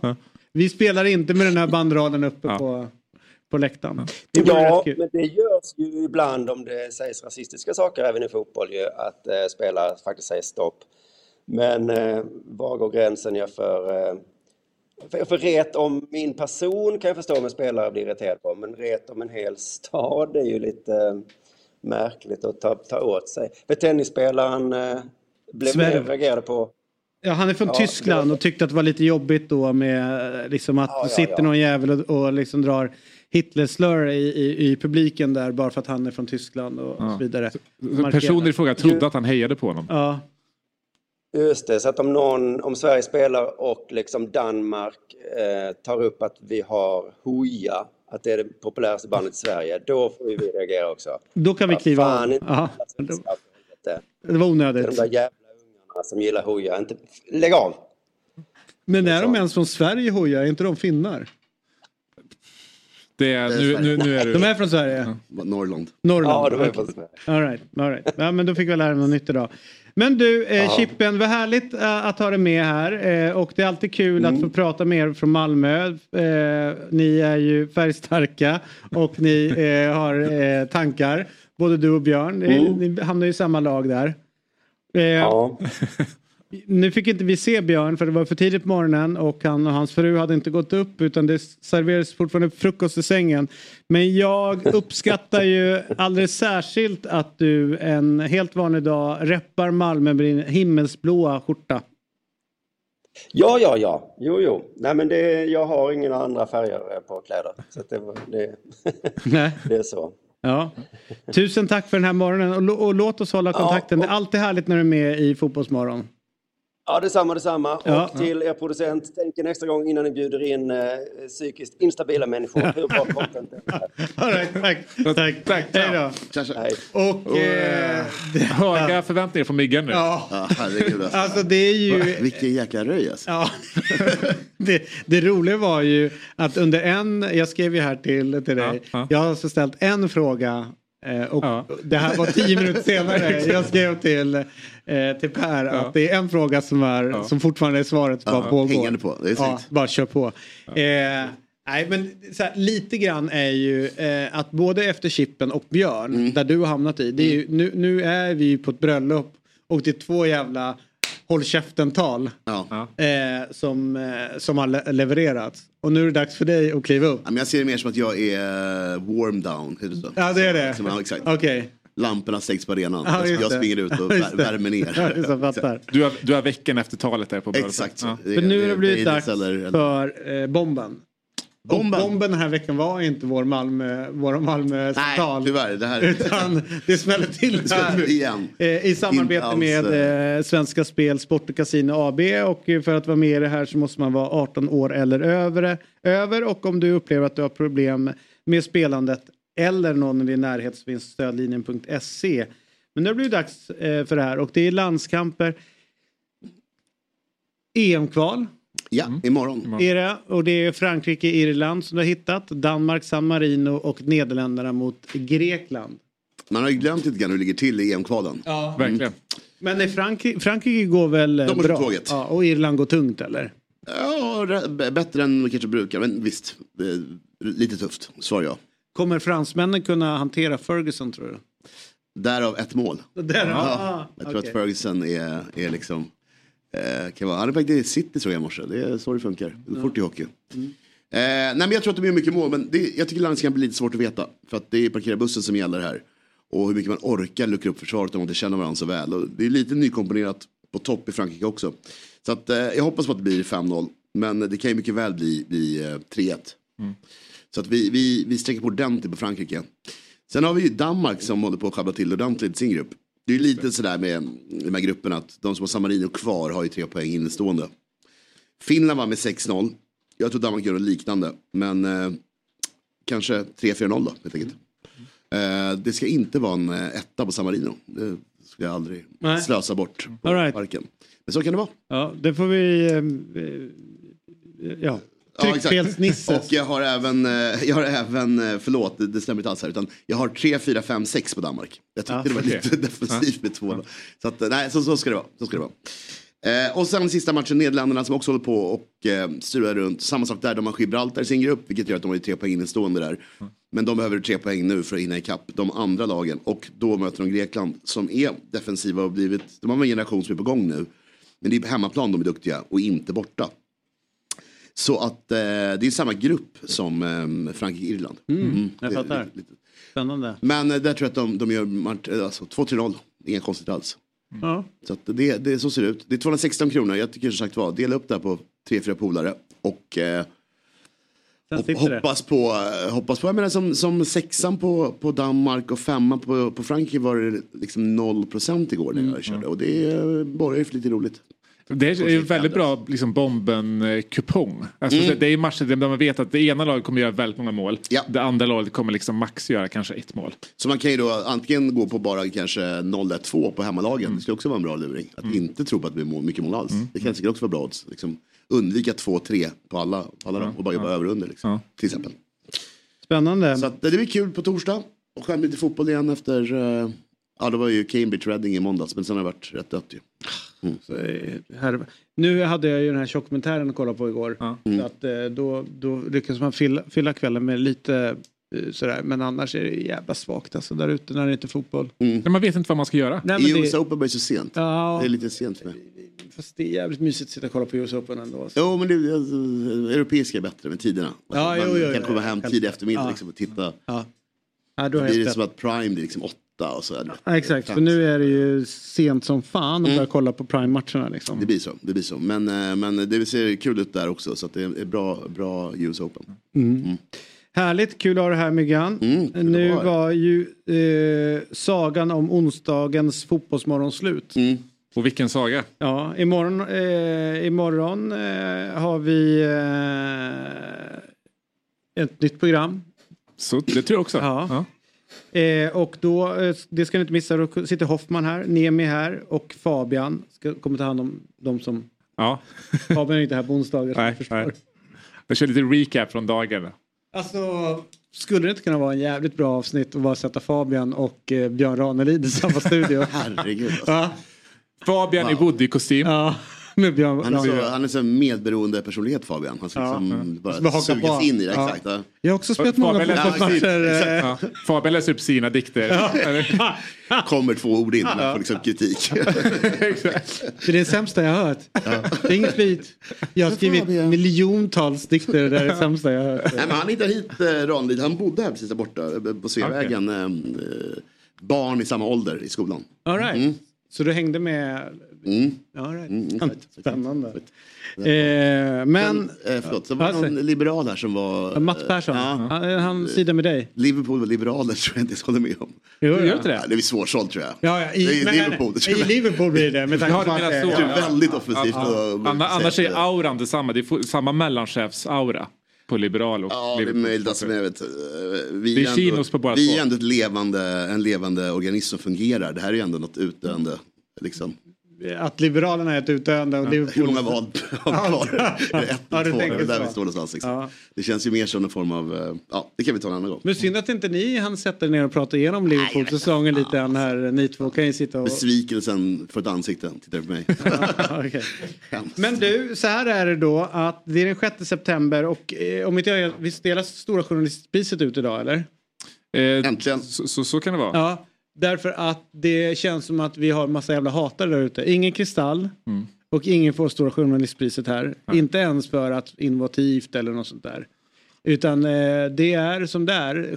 6 september blir ingen mäktig dag i Fotbollsmorgons historia. Nej. Skulle kunna bli det. Så därför säger vi till alla de som sitter och nominerar och eh, eh, utser vinnare både till Kristall och eh, Journalistpris då. Fuck off haters, vi ses. Fotbollsmorgon presenteras i samarbete med Oddset, betting online och i butik.